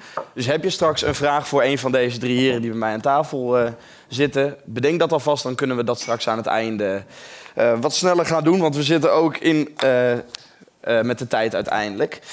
Gaan we beginnen. Welkom alle, alle drie. Leuk dat jullie er zijn. Net geïntroduceerd al door Niel. En Wim en ik hadden het er net al met elkaar over, over jullie twee als speler van FC Groningen. En Wim, dan aan jou de vraag. Als je iets zou moeten benoemen van deze twee spelers, om met Koert te beginnen, wat, eh, waar herinner jij Koert aan bij FC Groningen? Net, net kwam eh, Van Gelder even en Dankelui werden genoemd. En toen zei ik tegen Koert, eigenlijk hebben we maar vijf goede verdedigers gehad, rechte verdedigers gehad bij Groningen. Ben jij er één van. Je had eerst eh, voor, de hele oudjes onder ons, eh, had je Paul Mason. Dat was een Engelsman, die had in de opleiding van Liverpool gespeeld. En die ging hier in het achtste van VVK eh, voetballen, omdat hij daar eh, in de haven van Delfzijl werkte. Piet Fransen, die zag hem spelen en eh, nou, binnen no time speelde hij in het eerste van Groningen. Dan hebben we, we hebben Koort gehad, we hebben Bruno Silva gehad, we hebben Hans Hatenboer gehad en Deo Faisio Zeefuik. En dat is het wel. En dan heb je het over 50 jaar eh, FC Groningen ruim. En heb je vijf backs gehad. Nou, wat, hoe lang zullen ze er gespeeld hebben? Drie jaar. Dus we hebben 35 jaar eh, Liam van Gelderen gehad. En vijf... eh, Ja, en ze dus- je nog steeds hier, hè, toen je opkwam. Ja, je hoort het gelijk al, hè? Koert, Koert, Koert, Koert, ja, Koert. ja, dat was wel leuk, want ik was ook supporter van Dona. Ik kwam ook bij Dona en op een gegeven moment kwam er ook een jongen die heette Koert. En dan riep het publiek ook, want heel veel supporters waren zowel supporter van Groningen als van Dona. Die riepen ook Koert, Koert, Koert. En die spelen, die kijken, dan, wat is dit? Maar doet dat ben nog je? populair. Ja, je zag het net, hè? Ja, je dacht ik loop snel door. Dat wekt wel wat op. Ik moet ook zeggen dat Ja, dat is misschien heel gek dat ik het zeg. En ja, we hadden natuurlijk, eh, als we, als we te- de tegenstanders vroegen ook vaak van, die keken me soms wel eens aan, zo van, eh, wa- wat roepen ze nou? joh? Want het klinkt ook een beetje als oeh, oeh, Ja, ja, ja. oeh, oeh. Dus ja, het zei ik, nee, maar het is, het is echt koert, koert, koert, weet je wel. Dus ja, Maar jij wist gelukkig wat ze bedoelden. gelukkig wel, ja. Ja. Ik heb wel eens anders eh, gevoeld, op ADO Den Haag uit bijvoorbeeld. Ja, daar, daar zat er geen K voor. Nee. nee. Dacht je niet van, ze zingen ook kort, kort, kort? Ja, en dan over, over Kees. Eh, ja, ik weet niet of jij dat zelf weet, Kees, maar jij werd door, eh, door Wim wel eens een kwakkelman genoemd. Ja. Kun je eens uitleggen waarom? Ja, Kees die, die kwam eh, ja, een beetje ongelukkig. eh. Kees was de opvolger van eh Granqvist.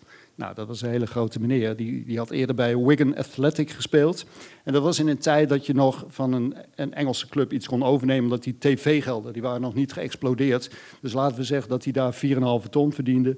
Kreeg hij hier 3 ton en nog wat tekengeld. Nou, dat komt prima. Dat kan nu niet meer. Nu verdient iemand 2, 3 miljoen. En dan verdien je bij Groningen nog steeds 3 ton. En dan kun je nog een beetje tekengeld, maar dat helpt niet. Ehm, maar ja, daar kwam Kees. Kees was een hele goede middenvelder die ik voor het eerst eh scoutte bij eh, RBC. Daar had hij al bij Volendam gespeeld. Hij had bij Augsburg gespeeld en die moest ineens de grote schoenen, zoals dat modern heet, vullen van Granqvist. Nou, dat viel niet mee. Groningen die was eh, in Euroborg alleen nog maar vijfde, zesde, zevende of achtste geworden in het eerste jaar van Kees werden ze veertiende. En eh, Kees kon ook met 13 wedstrijden, had altijd wat. Dus wij, ik noemde hem op een gegeven moment Kees Kwakkelman. En eh, ja, in het tweede jaar was hij aanvoerder, heeft hij bijna alles gespeeld. Ging het ook beter, zijn ze zevende geworden. En, eh, maar Kees Nou, daar heb je het dus al, Willem. Eerste Ja, seizoen was- was ik geblesseerd, werden we 14. Ja, ja, nou, In het tweede seizoen werden we zevende. Maar toen zei jij op een gegeven moment op Noord volgens mij, hij kan beter want- analist worden. Ja, ja Kees kan, kan zich dat Kijk. niet meer herinneren, maar het heeft ook een slechte wedstrijd gespeeld. Misschien ook wel meer dan één. Denk het ook, Maar- hoor. ja, maar na, na afloop, eh, hij, hij zei zelf ook hoor, ik was zo slecht vandaag. En eh, dat vond ik ook, want ik zat in de studio van Radio Noord. Ik zei het op een gegeven moment uit ergernis, want hij had werkelijk geen bal goed geraakt. Van eh, laat die eh, kwak maar maar analist worden. Ja, en zo volgens, mij, geschieden. volgens mij kan hij dat veel beter. Ja, want je zit bij eh, ESPN onder andere als eh, analist. Hoe bevalt dat? Ja, goed. Stop met als voetballer. Ja, dat is het mooiste wat er is, denk ik, eh lullen over voetbal. Dat, dat, dat, dat doen we allemaal eh, thuis op de bank, in de kantine. En ik mag het eh, betaald doen op tv. Ja, je moet wel af en toe eens uitkijken wat je zegt. Dus, eh, Maar dat, daar vind je wel een weg in op een gegeven moment. Ja, ja. lullen over voetbal deed jij ook om een bruggetje te maken naar Groningen tegen Emmen. Want daar was je aanwezig. Ja. Kun jij ons hier geruststellen? Wij zijn toch allemaal hè, met een groen-wit hart zitten we hier allemaal een beetje al weken bedroefd van dat we geen wedstrijd meer winnen. Ja. Volgens mij twaalf wedstrijden op rij niet meer gewonnen. Komt het nog goed? Of ik jullie gerust kan stellen? Nee. Ja. Nee. Nou, bedankt. Nee, ja, ik, ik heb de laatste, van de laatste vier wedstrijden heb ik drie keer Groningen gezien en het valt me echt niet mee. En eh, daarbij komen dan ook nog de dingen kijken met dat je als je in zo'n periode zit, eh, dat dat in de kopjes van de spelers gaat zitten. ehm, dat dingen net even verkeerd vallen en die wedstrijd bij Volendam waar Groningen niet slechter was en dan een voorzet die wordt aangeraakt en valt erin. En dat soort dingen zitten dan ook tegen. Maar ik zie ook eerlijk gezegd gewoon wat meer bij de ploegen om hun heen en niet bij Cambuur. Dus die eh, zijn ook ten dode opgeschreven. Maar ik zie bij Volendam en Emmen en ook zelfs Excelsior, alhoewel die nu ook moeten gaan uitkijken, ja, zie ik op dit moment meer dan bij Groningen. En ik ben het helemaal eens met Thijs. Ehm, ik, ik dacht dan ook niet op het moment dat Kruger inviel, dat ik dacht, nou, nu, nu kan er wel eens wat gaan gebeuren. Maar wat ligt er dan aan? Is het dan kwaliteit? Is het dat misschien Groningen niet een ploeg is die eh, gewend is om met deze druk te spelen tegen degradatie? Ja, ik, ik heb misschien ook het idee dat Groningen, en nu is dat misschien al wat laat, dat ze ergens voor moeten kiezen. Kijk, Volendam had zes punten in de, in de winterstop. En die hebben uiteindelijk, dat heeft heel even geduurd, want dat wilden ze niet. Hè, want kruifvisie, je kent dat gelul wel. Maar uiteindelijk zijn ze, die verdedigen nu gewoon met z'n allen. Dus met z'n allen verdedigen en eh, sneller uit. Ik heb het idee bij Groningen, ze doen eigenlijk net, net niks. Ga of gewoon volle bak Hans de Koning eh, één op één allemaal op het hele veld. eh Euroborger achter uitverkocht. Ja, of ga dan maar met z'n allen verdedigen. En hoop op wat met, met Pepi en, en die Kruger die dan een beetje de gaten induikt. Dat je zo eh, de punten haalt. Maar nu doen ze eigenlijk net, net niks, vind ik eigenlijk. Ja, dan kijk ik ook naar de andere heren. Eigenlijk kan ik uit deze woorden opmaken dat er eigenlijk nauwelijks een plan is. Nou ja, er zal ongetwijfeld een plan zijn. Alleen Of dat hij niet plan, uitgevoerd eh, wordt. eh, een trainer die geeft vooraf natuurlijk wel een bepaalde tactiek aan en praat daarover over met spelers en, en ze trainen er waarschijnlijk ook wel op. Alleen ja, ik denk dat je nu op dit moment te maken hebt met de naweeën van de eerste seizoenshelft. Hè, waarin in, eh, in de voorbereiding eigenlijk al eh, ja, duidelijk was dat er wat bij moest komen. Nou, dat is lange tijd uitgesteld. De trainer wordt aangesteld, een nieuwe trainer. Komt niet overeen met de visie. Ja, elftal, geen, waarschijnlijk te weinig raakvlakken, et cetera. Ja, eh, trainer eh, die eh, wordt natuurlijk op een gegeven moment ontslagen. Weer een nieuwe coach. De vuile was wordt buiten gehangen natuurlijk. Dus het zijn heel veel randzaken die hebben gemaakt dat het heel onrustig wordt in zo'n groep. Ja. En je bent als speler ben je gewoon gebaat bij rust en duidelijkheid en stru- structuur. Ja, maar even heel eerlijk. Thuis tegen Emmen, uit tegen Volendam, thuis tegen Cambuur. Ja, de supporter in mij zegt, als we daar al geen punten meer van pakken... waar gaan we dan in godsnaam wel voor winnen? Ja, nou ja, Kees gaf het net ook al aan. Hè? Het is misschien een net niet. Wat ik soms wel eens mis, en helemaal, ik denk dat, dat je het voordeel kan halen uit het thuispubliek. Als je ziet dat je eh, voor een vol stadion speelt als degradatiekandidaat, hè, dan denk ik, ja, dan kan je je voordeel uithalen. Als het qua veldspel niet lukt, en want je ziet vaak dat Groningen eigenlijk via de wingbacks, dat is wat ik regelmatig hoor, het spel wil gaan maken. Nou, dat is denk ik niet de sterkste, dat zijn niet de sterkste de posities in het elftal. Ja, dan kan je misschien ook wat meer in het opportunistische gaan zoeken, weet je wel. Want je hebt in Peppi een hele goede spits. Ja, Kruger speelt op dit moment dan eh, wat, wat minder. Maar ja, ik denk dat als je wat meer de lange bal gaat hanteren... en je komt in de 16 van de tegenstander... ja, dan kan daar misschien wat gaan ontstaan. Dat hoef je niet de hele wedstrijd te doen. Maar ja, misschien iets meer variatie daarin te brengen. Ja, je hebt het, we hebben het net ook al gehad over een eh, volle Euroborg. Ik eh, sloeg vanochtend de gezinsbode open en toen zag ik een artikel van jou, Wim. Waarin je eigenlijk schetst dat eh, nou, niet alles vroeger beter was. Want als we bijvoorbeeld naar de sfeer kijken... Het is best wel bizar eigenlijk in de situatie waarin, ja, waarin deze club nu zit... dat er weer zo'n zo'n steun vanuit het publiek is... en dat daar in ieder geval dit seizoen niet aan ligt. Ja, ik vind het echt opmerkelijk, want ik, ik, ben, eh, ik heb al vier degradaties meegemaakt. Eh, Twee van GVV, twee van eh, FC Groningen. En de sfeer was altijd echt op zijn Gronings. Heel negatief. Eh, fluiten in de rust, eh, fluiten tijdens de wedstrijd en fluiten na afloop. Nou, hier kijken ze, wachten ze eerst, zijn ze de hele wedstrijd aan het steunen. En dan is het resultaat geboekt en dan fluiten ze. Nou, dat vind ik prima. Maar tijdens de wedstrijd doen ze er alles aan om die ploeg te steunen. En dat is eigenlijk best wel nieuw. Eh, dat was je gewend van Twente. Dat was je gewend. Kees kan dat zich waarschijnlijk ook nog wel herinneren van dat seizoen dat Groningen Ja, dat 14 was heel negatief. Heel ja. negatief. Nou moet ik zeggen dat wij geen tiki-taka speelden toen Nee. de tijd. Eh, Nou, nu ook niet. Nee, precies. Maar inderdaad, dat, ik, ik was ook bij Groningen Fortuna, de laatste wedstrijd voor de winter. Was het ook al eh, slecht? Ja, was heel, heel uitverkocht. En, ja. en ja, toen dacht ik ook, dat werd dan nog 2-3, weet je. Toen dacht ik ook, poeh, weet je, dit, die supporters krijgen ook wat voor hun kiezen. En ik, zondag of zaterdag ook, ja, fantastisch. Die sfeeractie en die gasten achter doel, die blijven zingen. Ja, daar ligt het echt niet aan. Ik vind, ik vind het knap. Maar ja, eh, wat Koet zegt, je moet daar als spelersgroep misschien ook wat, wat meer mee gaan doen. Maar ja, dat is wel wat makkelijk Maar wat doet dat dan als speler? Als je, ik kan me toch voorstellen, dat is misschien ook de, de, de simpelheid die ik er dan eh, inbreng. Maar als, als ik uit zo'n tunnel zou komen en je kijkt even om je heen... en je ziet links van je op de Noordtribune zo'n sfeeractie... dan moet je toch als speler in de situatie dat je zit... Ja, dan, dan moet je toch 120, 30 procent kunnen geven zo'n wedstrijd. En dat, ja, als ik voor mezelf spreek, ik zie dat aas niet terug. En ik weet niet hoe dat dan bij jullie zit, maar... Ja, niet altijd. Kijk, eh, wa- waar de spelers op dit moment mee te maken hebben, is natuurlijk een, eh, een ander soort druk. Ik moet zeggen, vanaf Twente ja, zag je toch een beetje een andere tendens. Zo kwamen ze goed uit de stadblokken. Ja, ik denk ook wel terecht de uitslag tegen een hele goede tegenstander. Ja, maar het lijkt bijna een Eh, incident te zijn als je ziet wat de wedstrijden... Ja, PSV was gewoon, ja, die kan je wegschrijven, want PSV speelde gewoon, denk ik wel, een van hun betere wedstrijden. Nou, op zich niet zo erg, maar Emmen thuis ga je op zich goed uit de stad blokken.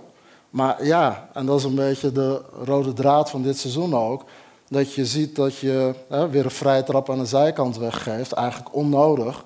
Ja, en dan valt hij. En als je dan het, eh, het aantal eh, vrije trappen zeg maar, aan de zijkant, hè, want we hebben het erover dat Groningen veel eh, goals tegenkrijgt uit standaard situaties. Nou, ik denk dat je tegen Emmen misschien wel 15 eh, eh, vrije trappen of niet meer tegen hebt gehad. Hè, nou, dat, dat zegt wel iets, denk ik. Dat is uiteindelijk kwaliteit. Dat Mata daar denkt, hè, we staan nu 1-0 voor. Ik, ik loop nu even mijn- mijn directe tegenstander gewoon zomaar omver. We zijn al lekker goed met spelervattingen, dus laat ik even een domme overtreding maken daar. Ja, dat is gewoon kwaliteit. Ja. Als je dat nu nog steeds niet door hebt, of dat wordt ook niet gezegd van tevoren. ik ken een speler die zei nog wel eens in de rust tegen jongens... geen domme overtredingen maken.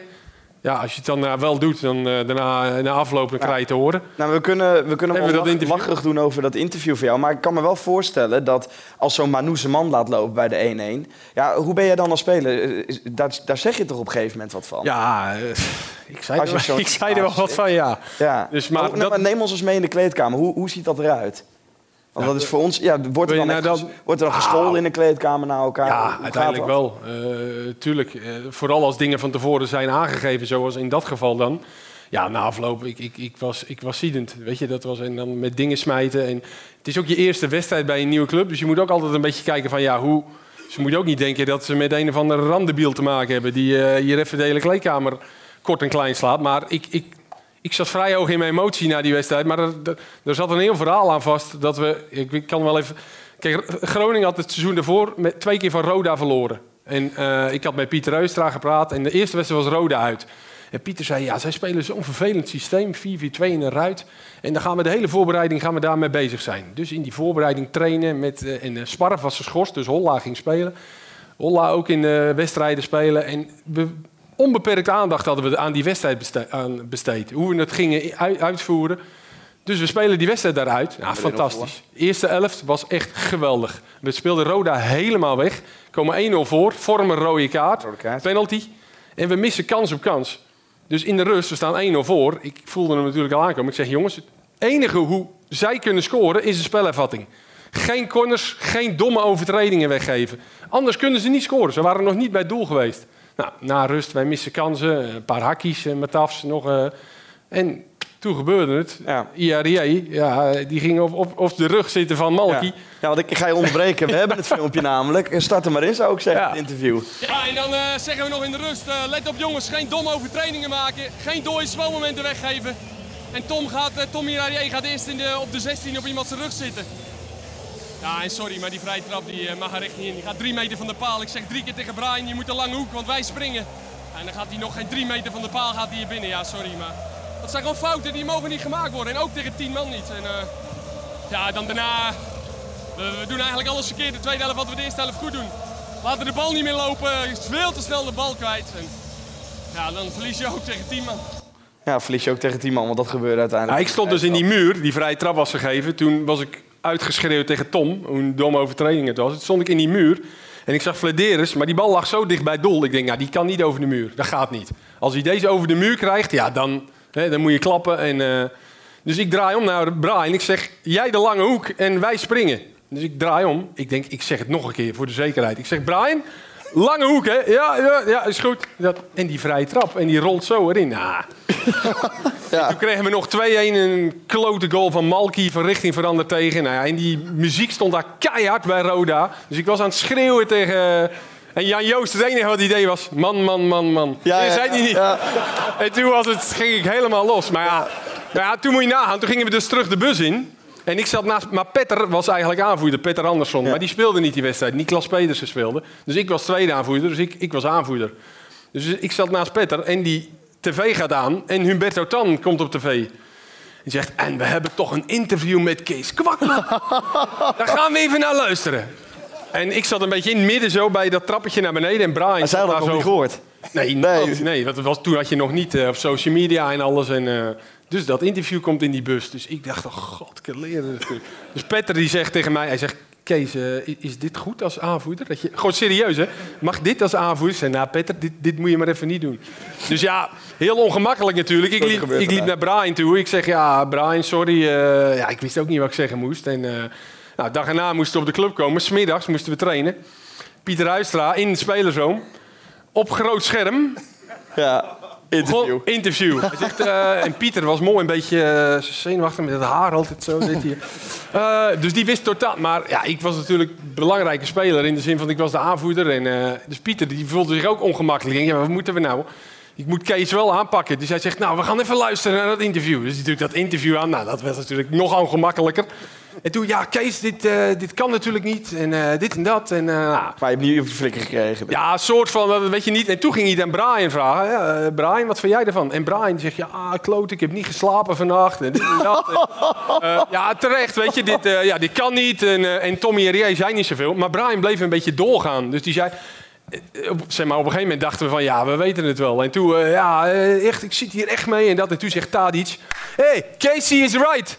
Casey is right. It's a stupid goal. It's just a stupid goal. Casey, you're right.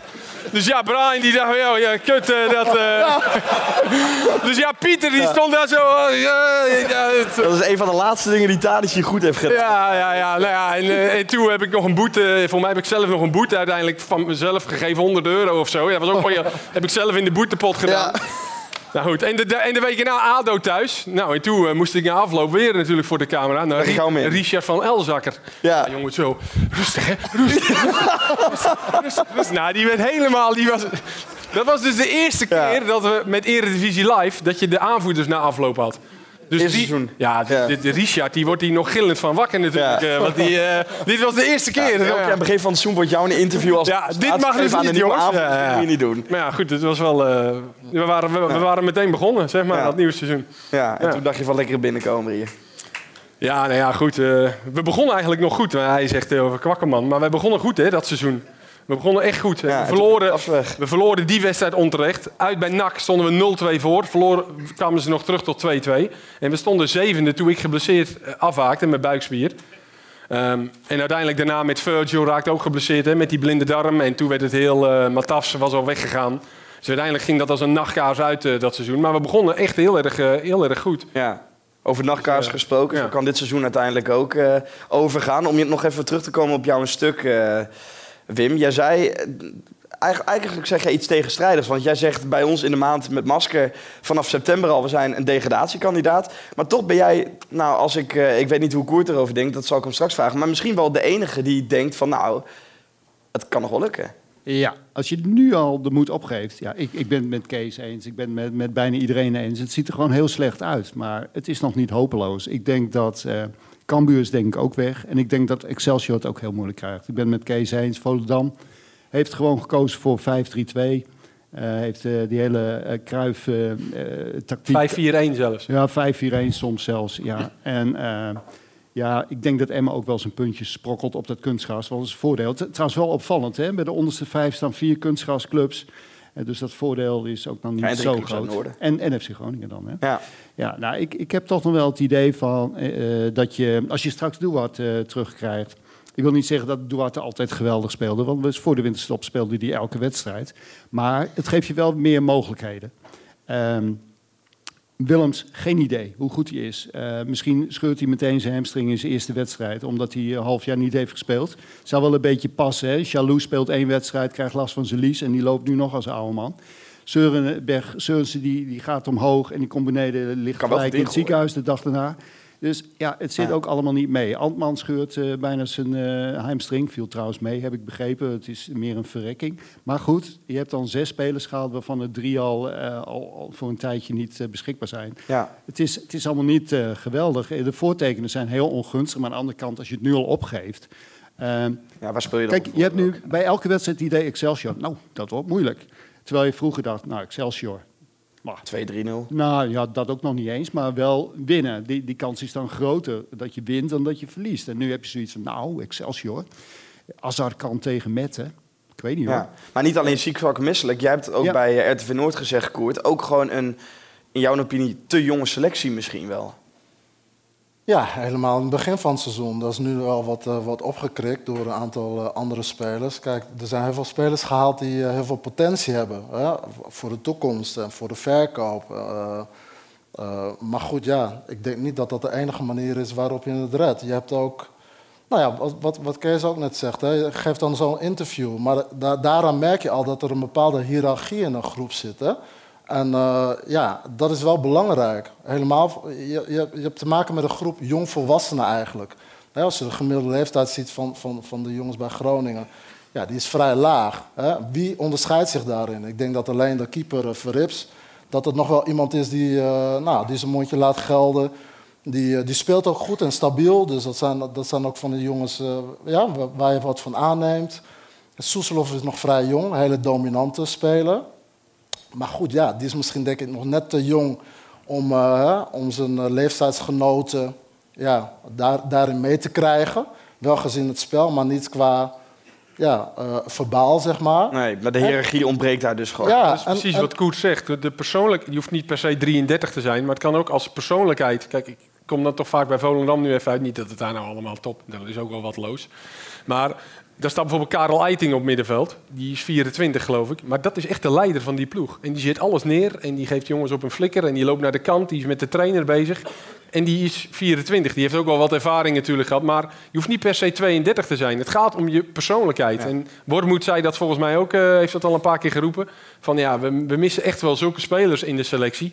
Ja, en, en Pelupessi is een oudere speler, maar is volgens Geen mij leider. niet zo'n zo'n type speler. Nee, en het gevolg daarvan is misschien ook dat spelers als een Casemiro, een Ngonge, die uiteindelijk denk ik veel waarde vertegenwoordigden voor deze club en ook gewoon belangrijk waren, niet uiteindelijk geremd worden en gewoon hun gang gaan. Volgens mij heb jij jezelf uiteindelijk nog aangeboden bij FC Groningen om dit soort, Ah. nou, tenminste niet zo, maar zou je wel met dit soort jongens kunnen werken om ze misschien op het, ja, niet het ju- juiste pad klinkt misschien een beetje heftig, maar om ze wel in de goede richting te kunnen leiden. Nou ja, kijk, eh, als ze zegt ik heb mezelf aangeboden, dat is wel op aanspraak geweest van. Ik ben door een aantal mensen binnen de organisatie van Groningen, die hebben mijn naam genoemd.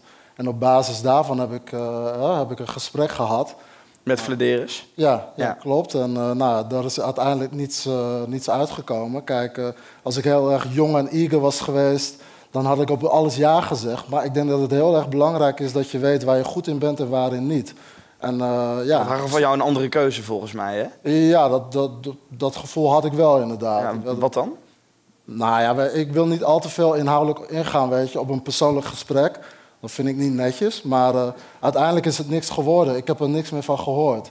Ja, dat vind ik enerzijds wel jammer, want ja, ik ben wel een clubman. Ik ben ook fan, niet alleen spe- ex-speler, maar ik ben ook wel echt fan. En ik zie ook wel ruimte voor verbetering, weet je. Vo- vooral in het individuele proces. Vaak wordt er gekeken naar het co- collectief, hè. Hoe zijn de prestaties, hoe gaan we als collectief presteren. Maar ik denk in deze tijd dat je met jongens te maken hebt die, eh, ja, die heel snel verzadigd zijn. Eh zijn geen clubjongens meer. Is dat erg? Nee, hoeft niet erg te zijn. Dus ga dan meer, ga meer je focus leggen op individuele begeleiding. Waar wil je, waar wil je straks naartoe? Want je blijft eh, niet eh, vijf of zes of eh, jaar langer bij Groningen spelen. Dus hoe was daar het in jouw tijd dan? Want in 98, jij bent gedegradeerd met FC Groningen. Ja. Dus jij weet ook een beetje, misschien met wat voor druk deze jongens nu, nu zitten. Jij, jullie hadden wel veel leiders. Denk aan een, of tenminste ervaren spelers, een Atteveld, een Koeman, eh, een Lodewijks. Ja. Wa- Was, was het een beetje dezelfde situatie eh, als, als dat het misschien nu is? Nou, dezelfde situatie is wel dat je als je als club in noodweer zit, dat je zelfvertrouwen daalt. Hè? En of je nou een ervaren speler bent, die kan het misschien iets makkelijker managen. En hoe jonger je bent, hoe moeilijker het misschien wordt. Alhoewel Blokzaal, moet ik zeggen, die houdt zich heel goed staande. En dat zorgt misschien ook wel wat voor verfrissing. Hè? Jongens die dan zeg maar niet die druk voelen, ja, dan kunnen die ook weer andere jongens meenemen in hun positieve prestaties. Maar ik denk dat de vergelijking, de grootste vergelijking is dat het zelfvertrouwen gewoon er niet is. Ja, want hoe was dat destijds, Wim? Jij hebt het natuurlijk ook van dichtbij meegemaakt. Ja, nou, als je naar die selectie van toen kijkt, zou je denken: hoe is het mogelijk dat die ploeg niet zesde is geworden? Want er zat alles in. Eh, jij noemde net al een aantal eh, oudere spelers. Nou, Atteveld, dat was dan de man die nu iedereen graag ziet.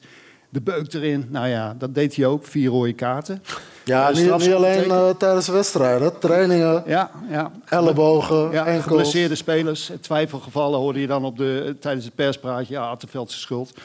maar eh, ja, je, je kunt... En, en ik schreef in die tijd ook al over FC Groningen. Ik ergerde me dood. Want ze waren ook allemaal traag. Ze waren niet alleen oud, ze waren ook traag. Dus Groningen die werd heel vaak in de counter geslacht. Er zat ook heel weinig tempo in. Sommige spelers die waren dan 37. Die vonden één keer per dag trainen al wat veel.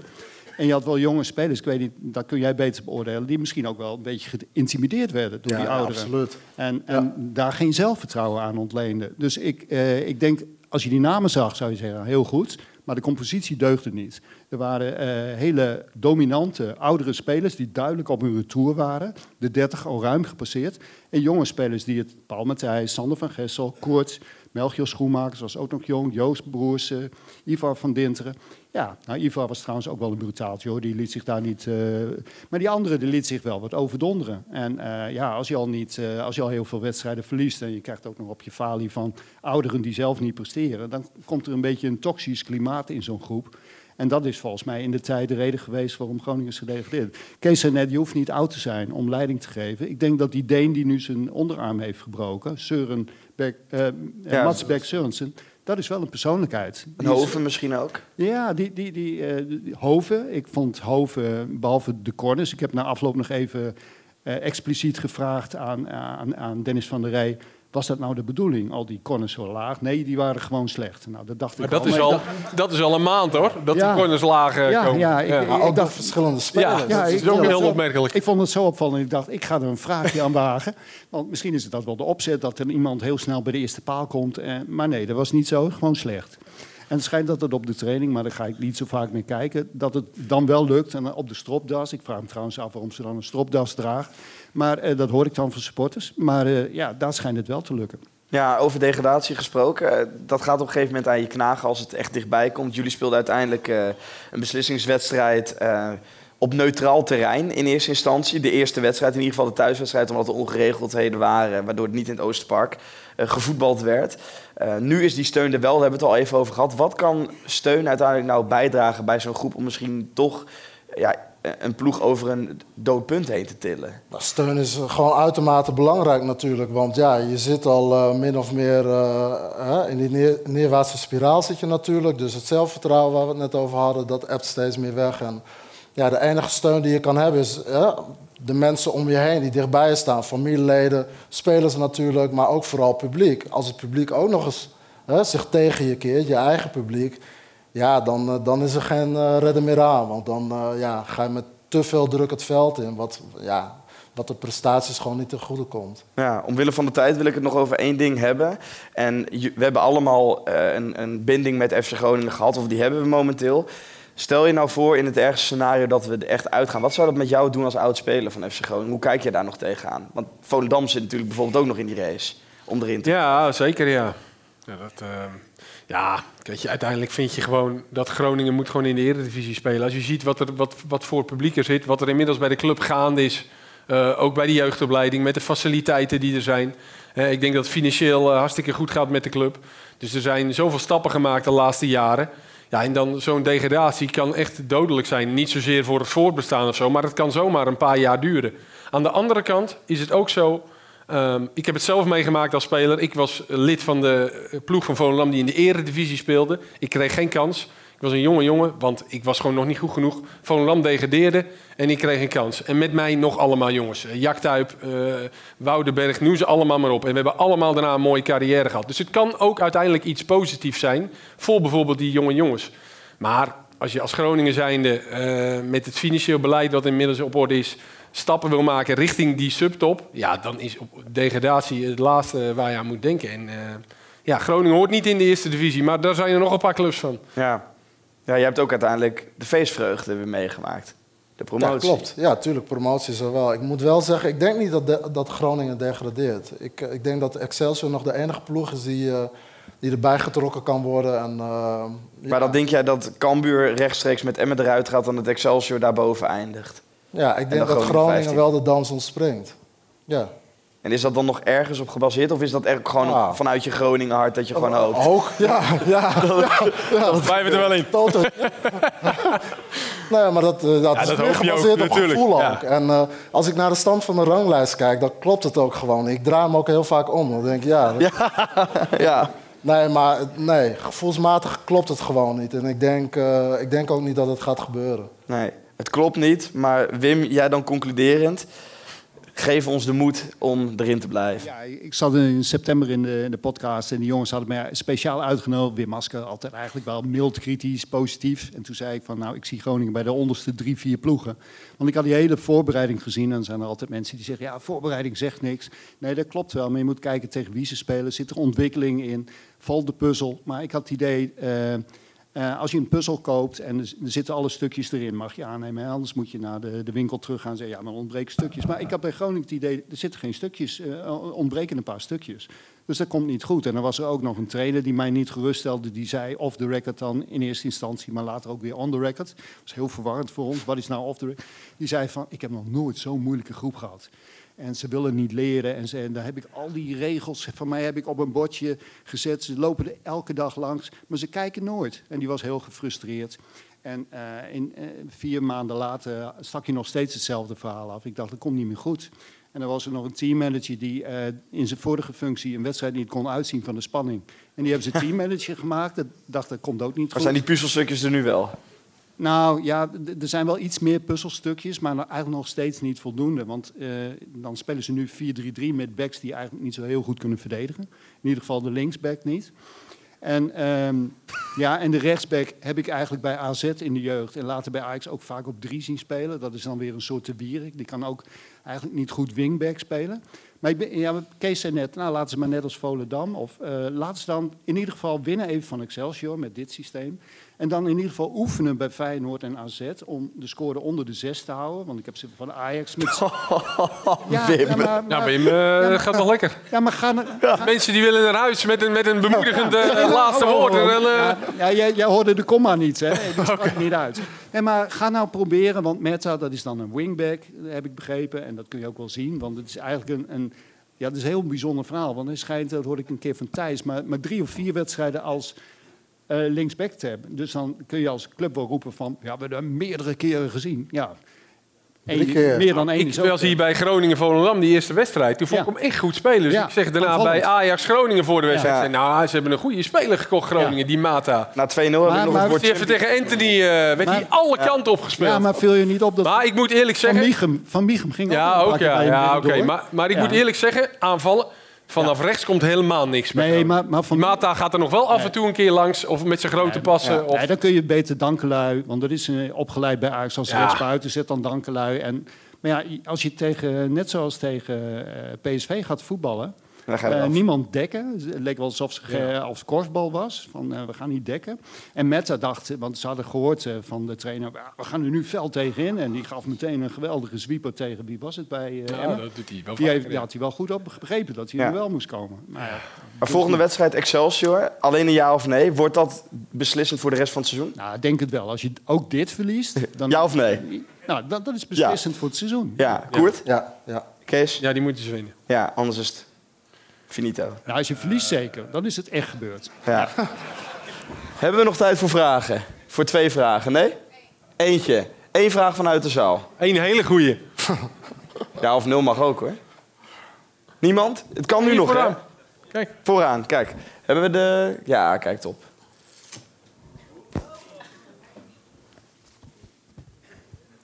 Ik eh, heb een vraag voor Wim. Eh, U zei net eh, dat u het al nou, vier keer heeft meegemaakt, de Ja. degradatie. Ik nog nooit, dus nou, dat gaat spannend worden. Ehm, ja, het tast best wel mijn humeur aan, zeg maar. Ik word er boos van op mijn moeder en allemaal, allemaal, allemaal nare dingen. En ik vraag me af, hoe, hoe, hoe zet ik dat een beetje van me af? Dat ik me niet zo laat meeslepen. Nou, ik, ik, Goeie vraag, hè? Dat was wel een goede vraag. Zeker, ja. Dat eh, vind ik een hele goede vraag, maar ik heb een teleurstellend antwoord. Ik ben journalist en dat heb ik te danken dat ik dat goed kan aan mijn vader, want dat was een hele kritische volger. Supporter van GVAV.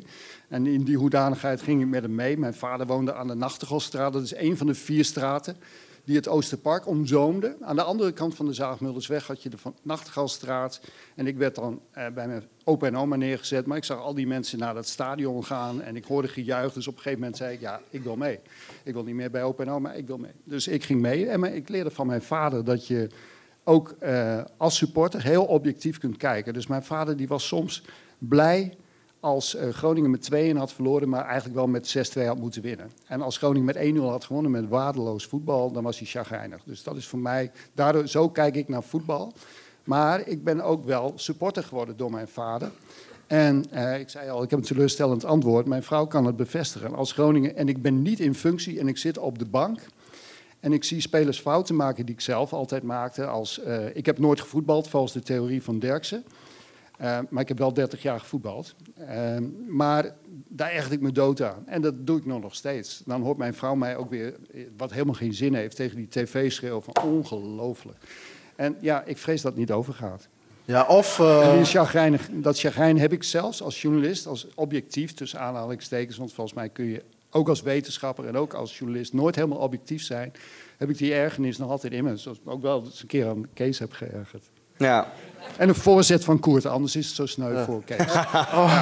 Ja, jij hebt ook En een paar keer slecht kan- gespeeld hoor. Ik heb met Koet gespeeld. Ja.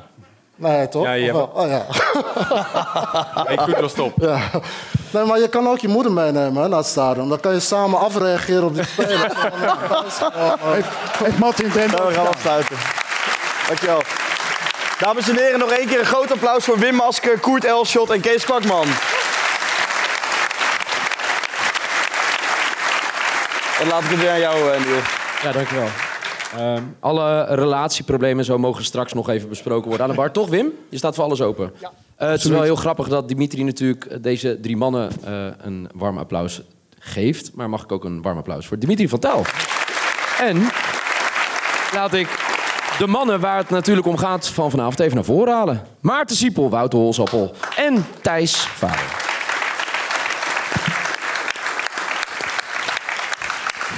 Van jullie wilde iets zeggen. Ja, ik wil sowieso de eh, vier mensen die een prijs zo net hebben gewonnen, die mogen zich nog zo even melden bij mij. Want dat is even handig dat ik even adressen weet eh, waar ik de prijzen op kan sturen. Ook omdat Edwin Vroma van FC Groningen graag zou willen weten welke van de twee eh, wedstrijden er gebruik wordt gemaakt van het arrangement. Ehm, ik wil natuurlijk ook namens ons van de podcast, ons vieren, wil ik heel graag Kees, Koert en Wim natuurlijk bedanken. Eh, en natuurlijk ook Free Westerhof. Dus daar wil ik allereerst nog even een applaus voor.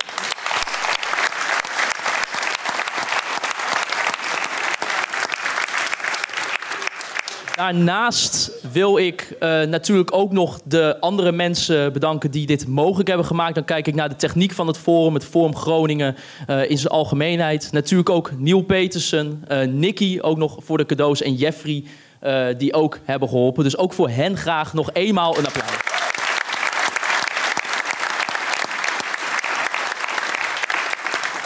Nou ja, en voor de rest, eh, nou ja, namens ons ook dank eh, voor jullie komst. Wat er ook met, met FC Groningen zal gaan gebeuren nog de komende weken. Eh, dat is nog even afwachten. Zelfs als we degraderen, zijn wij er in ieder geval volgend seizoen bij. We hopen jullie ook. En eh, dan gaan we gewoon door met het maken van een mooie podcast. En hopelijk ook een, eh, een mooie toekomst voor, eh, voor onze prachtige club waar we allemaal van houden, FC Groningen uiteindelijk. Dus eh, dank jullie wel ook allemaal.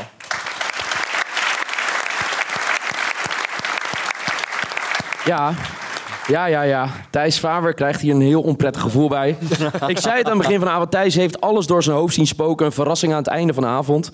Wil graag ook even de microfoon aan Jeffrey geven. Want de bedenker van het cadeau...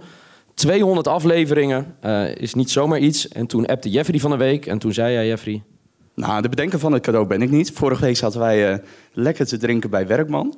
En toen ging het weer over deze avond. Ik zit in een appgroepje met de heren en eigenlijk ging de voorbereiding veel te goed. Daar kan ik niet zo goed tegen. dus toen dacht ik, nou, hoe kun je daar nou verandering in brengen? Toen heb ik Niel gehebt, Niel, we moeten gaan stoken. En toen s'nachts om een uur of half twee werd ik opeens gebeld door Niel. En die zei, nou, ik heb nog wel een ideetje voor een leuk cadeau. Hij zegt, ik ga het vragen en dan regel jij het voor de rest. Ik denk, nou, prima. Ook qua cent, ik denk, ik ken hier best wel wat mensen... die willen vast wel een klein bedragje bijbetalen. Dag later, ik reed eh, naar huis bij Lemmer ongeveer. En eh Niel belde, die zegt, nou, ik heb het nagevraagd, het kost dit en dit. Nou, toen had ik bijna de neiging het Tjeukenmeer in te rijden. Maar goed, ik dacht, we gaan het wel proberen. Nou, en eigenlijk daarin, en eh, eh, dat hebben we de afgelopen jaren ook wel meegemaakt... is dat dit een hele trouwe community is. Ik, eh, nou... Binnen een half uur had ik eigenlijk nou, de helft van het bedrag al binnen. Ik heb alle mensen zo'n beetje uit de Telegram-groep privébericht tot dat Telegram me blokkeerde. Ehm, vrienden, familie, hè, de zus van Maat Siepel, de huisgenoot van Hols, de ouders van Thijs. Iedereen, nou, iedereen zei eigenlijk ja. Nou, dat heeft een mooi cadeau opgeleverd. Het zit hierin, samen met de kaart. Thijs is al de hele avond bang dat het een portret van Mark-Jan Vladeris is. Nou, ik kan zeggen... Hij, hij zit wel warm. Hij zit wel warm. Ja, het zit aardig in de buurt. Ehm, nou ja, wat mij betreft, Niel, geef het aan ze. De kaart en het portret. Ja, het is al open als het goed is aan één kant. Dat ik als jullie. Wouter, je staat in midden. Als Siepel en Faber er even bij komen, dan kun je het even met z'n drieën uitpakken. Ja, een klein beetje context. Ik ben ook met deze heren naar Hannover geweest. Op een gegeven moment liepen we daar door het winkelcentrum. Eh, ik achteruit, Maarten met de microfoon in zijn hand. deze heren ernaast. Toen wilde ik een foto maken, viel ik bijna over een mevrouw in een rolstoel, maar de foto werd nog net gemaakt. Nou, daar hebben we iets moois van laten maken door eh, Barry Pirovano. En eh, dit kan mooi in de studio aan de muur. En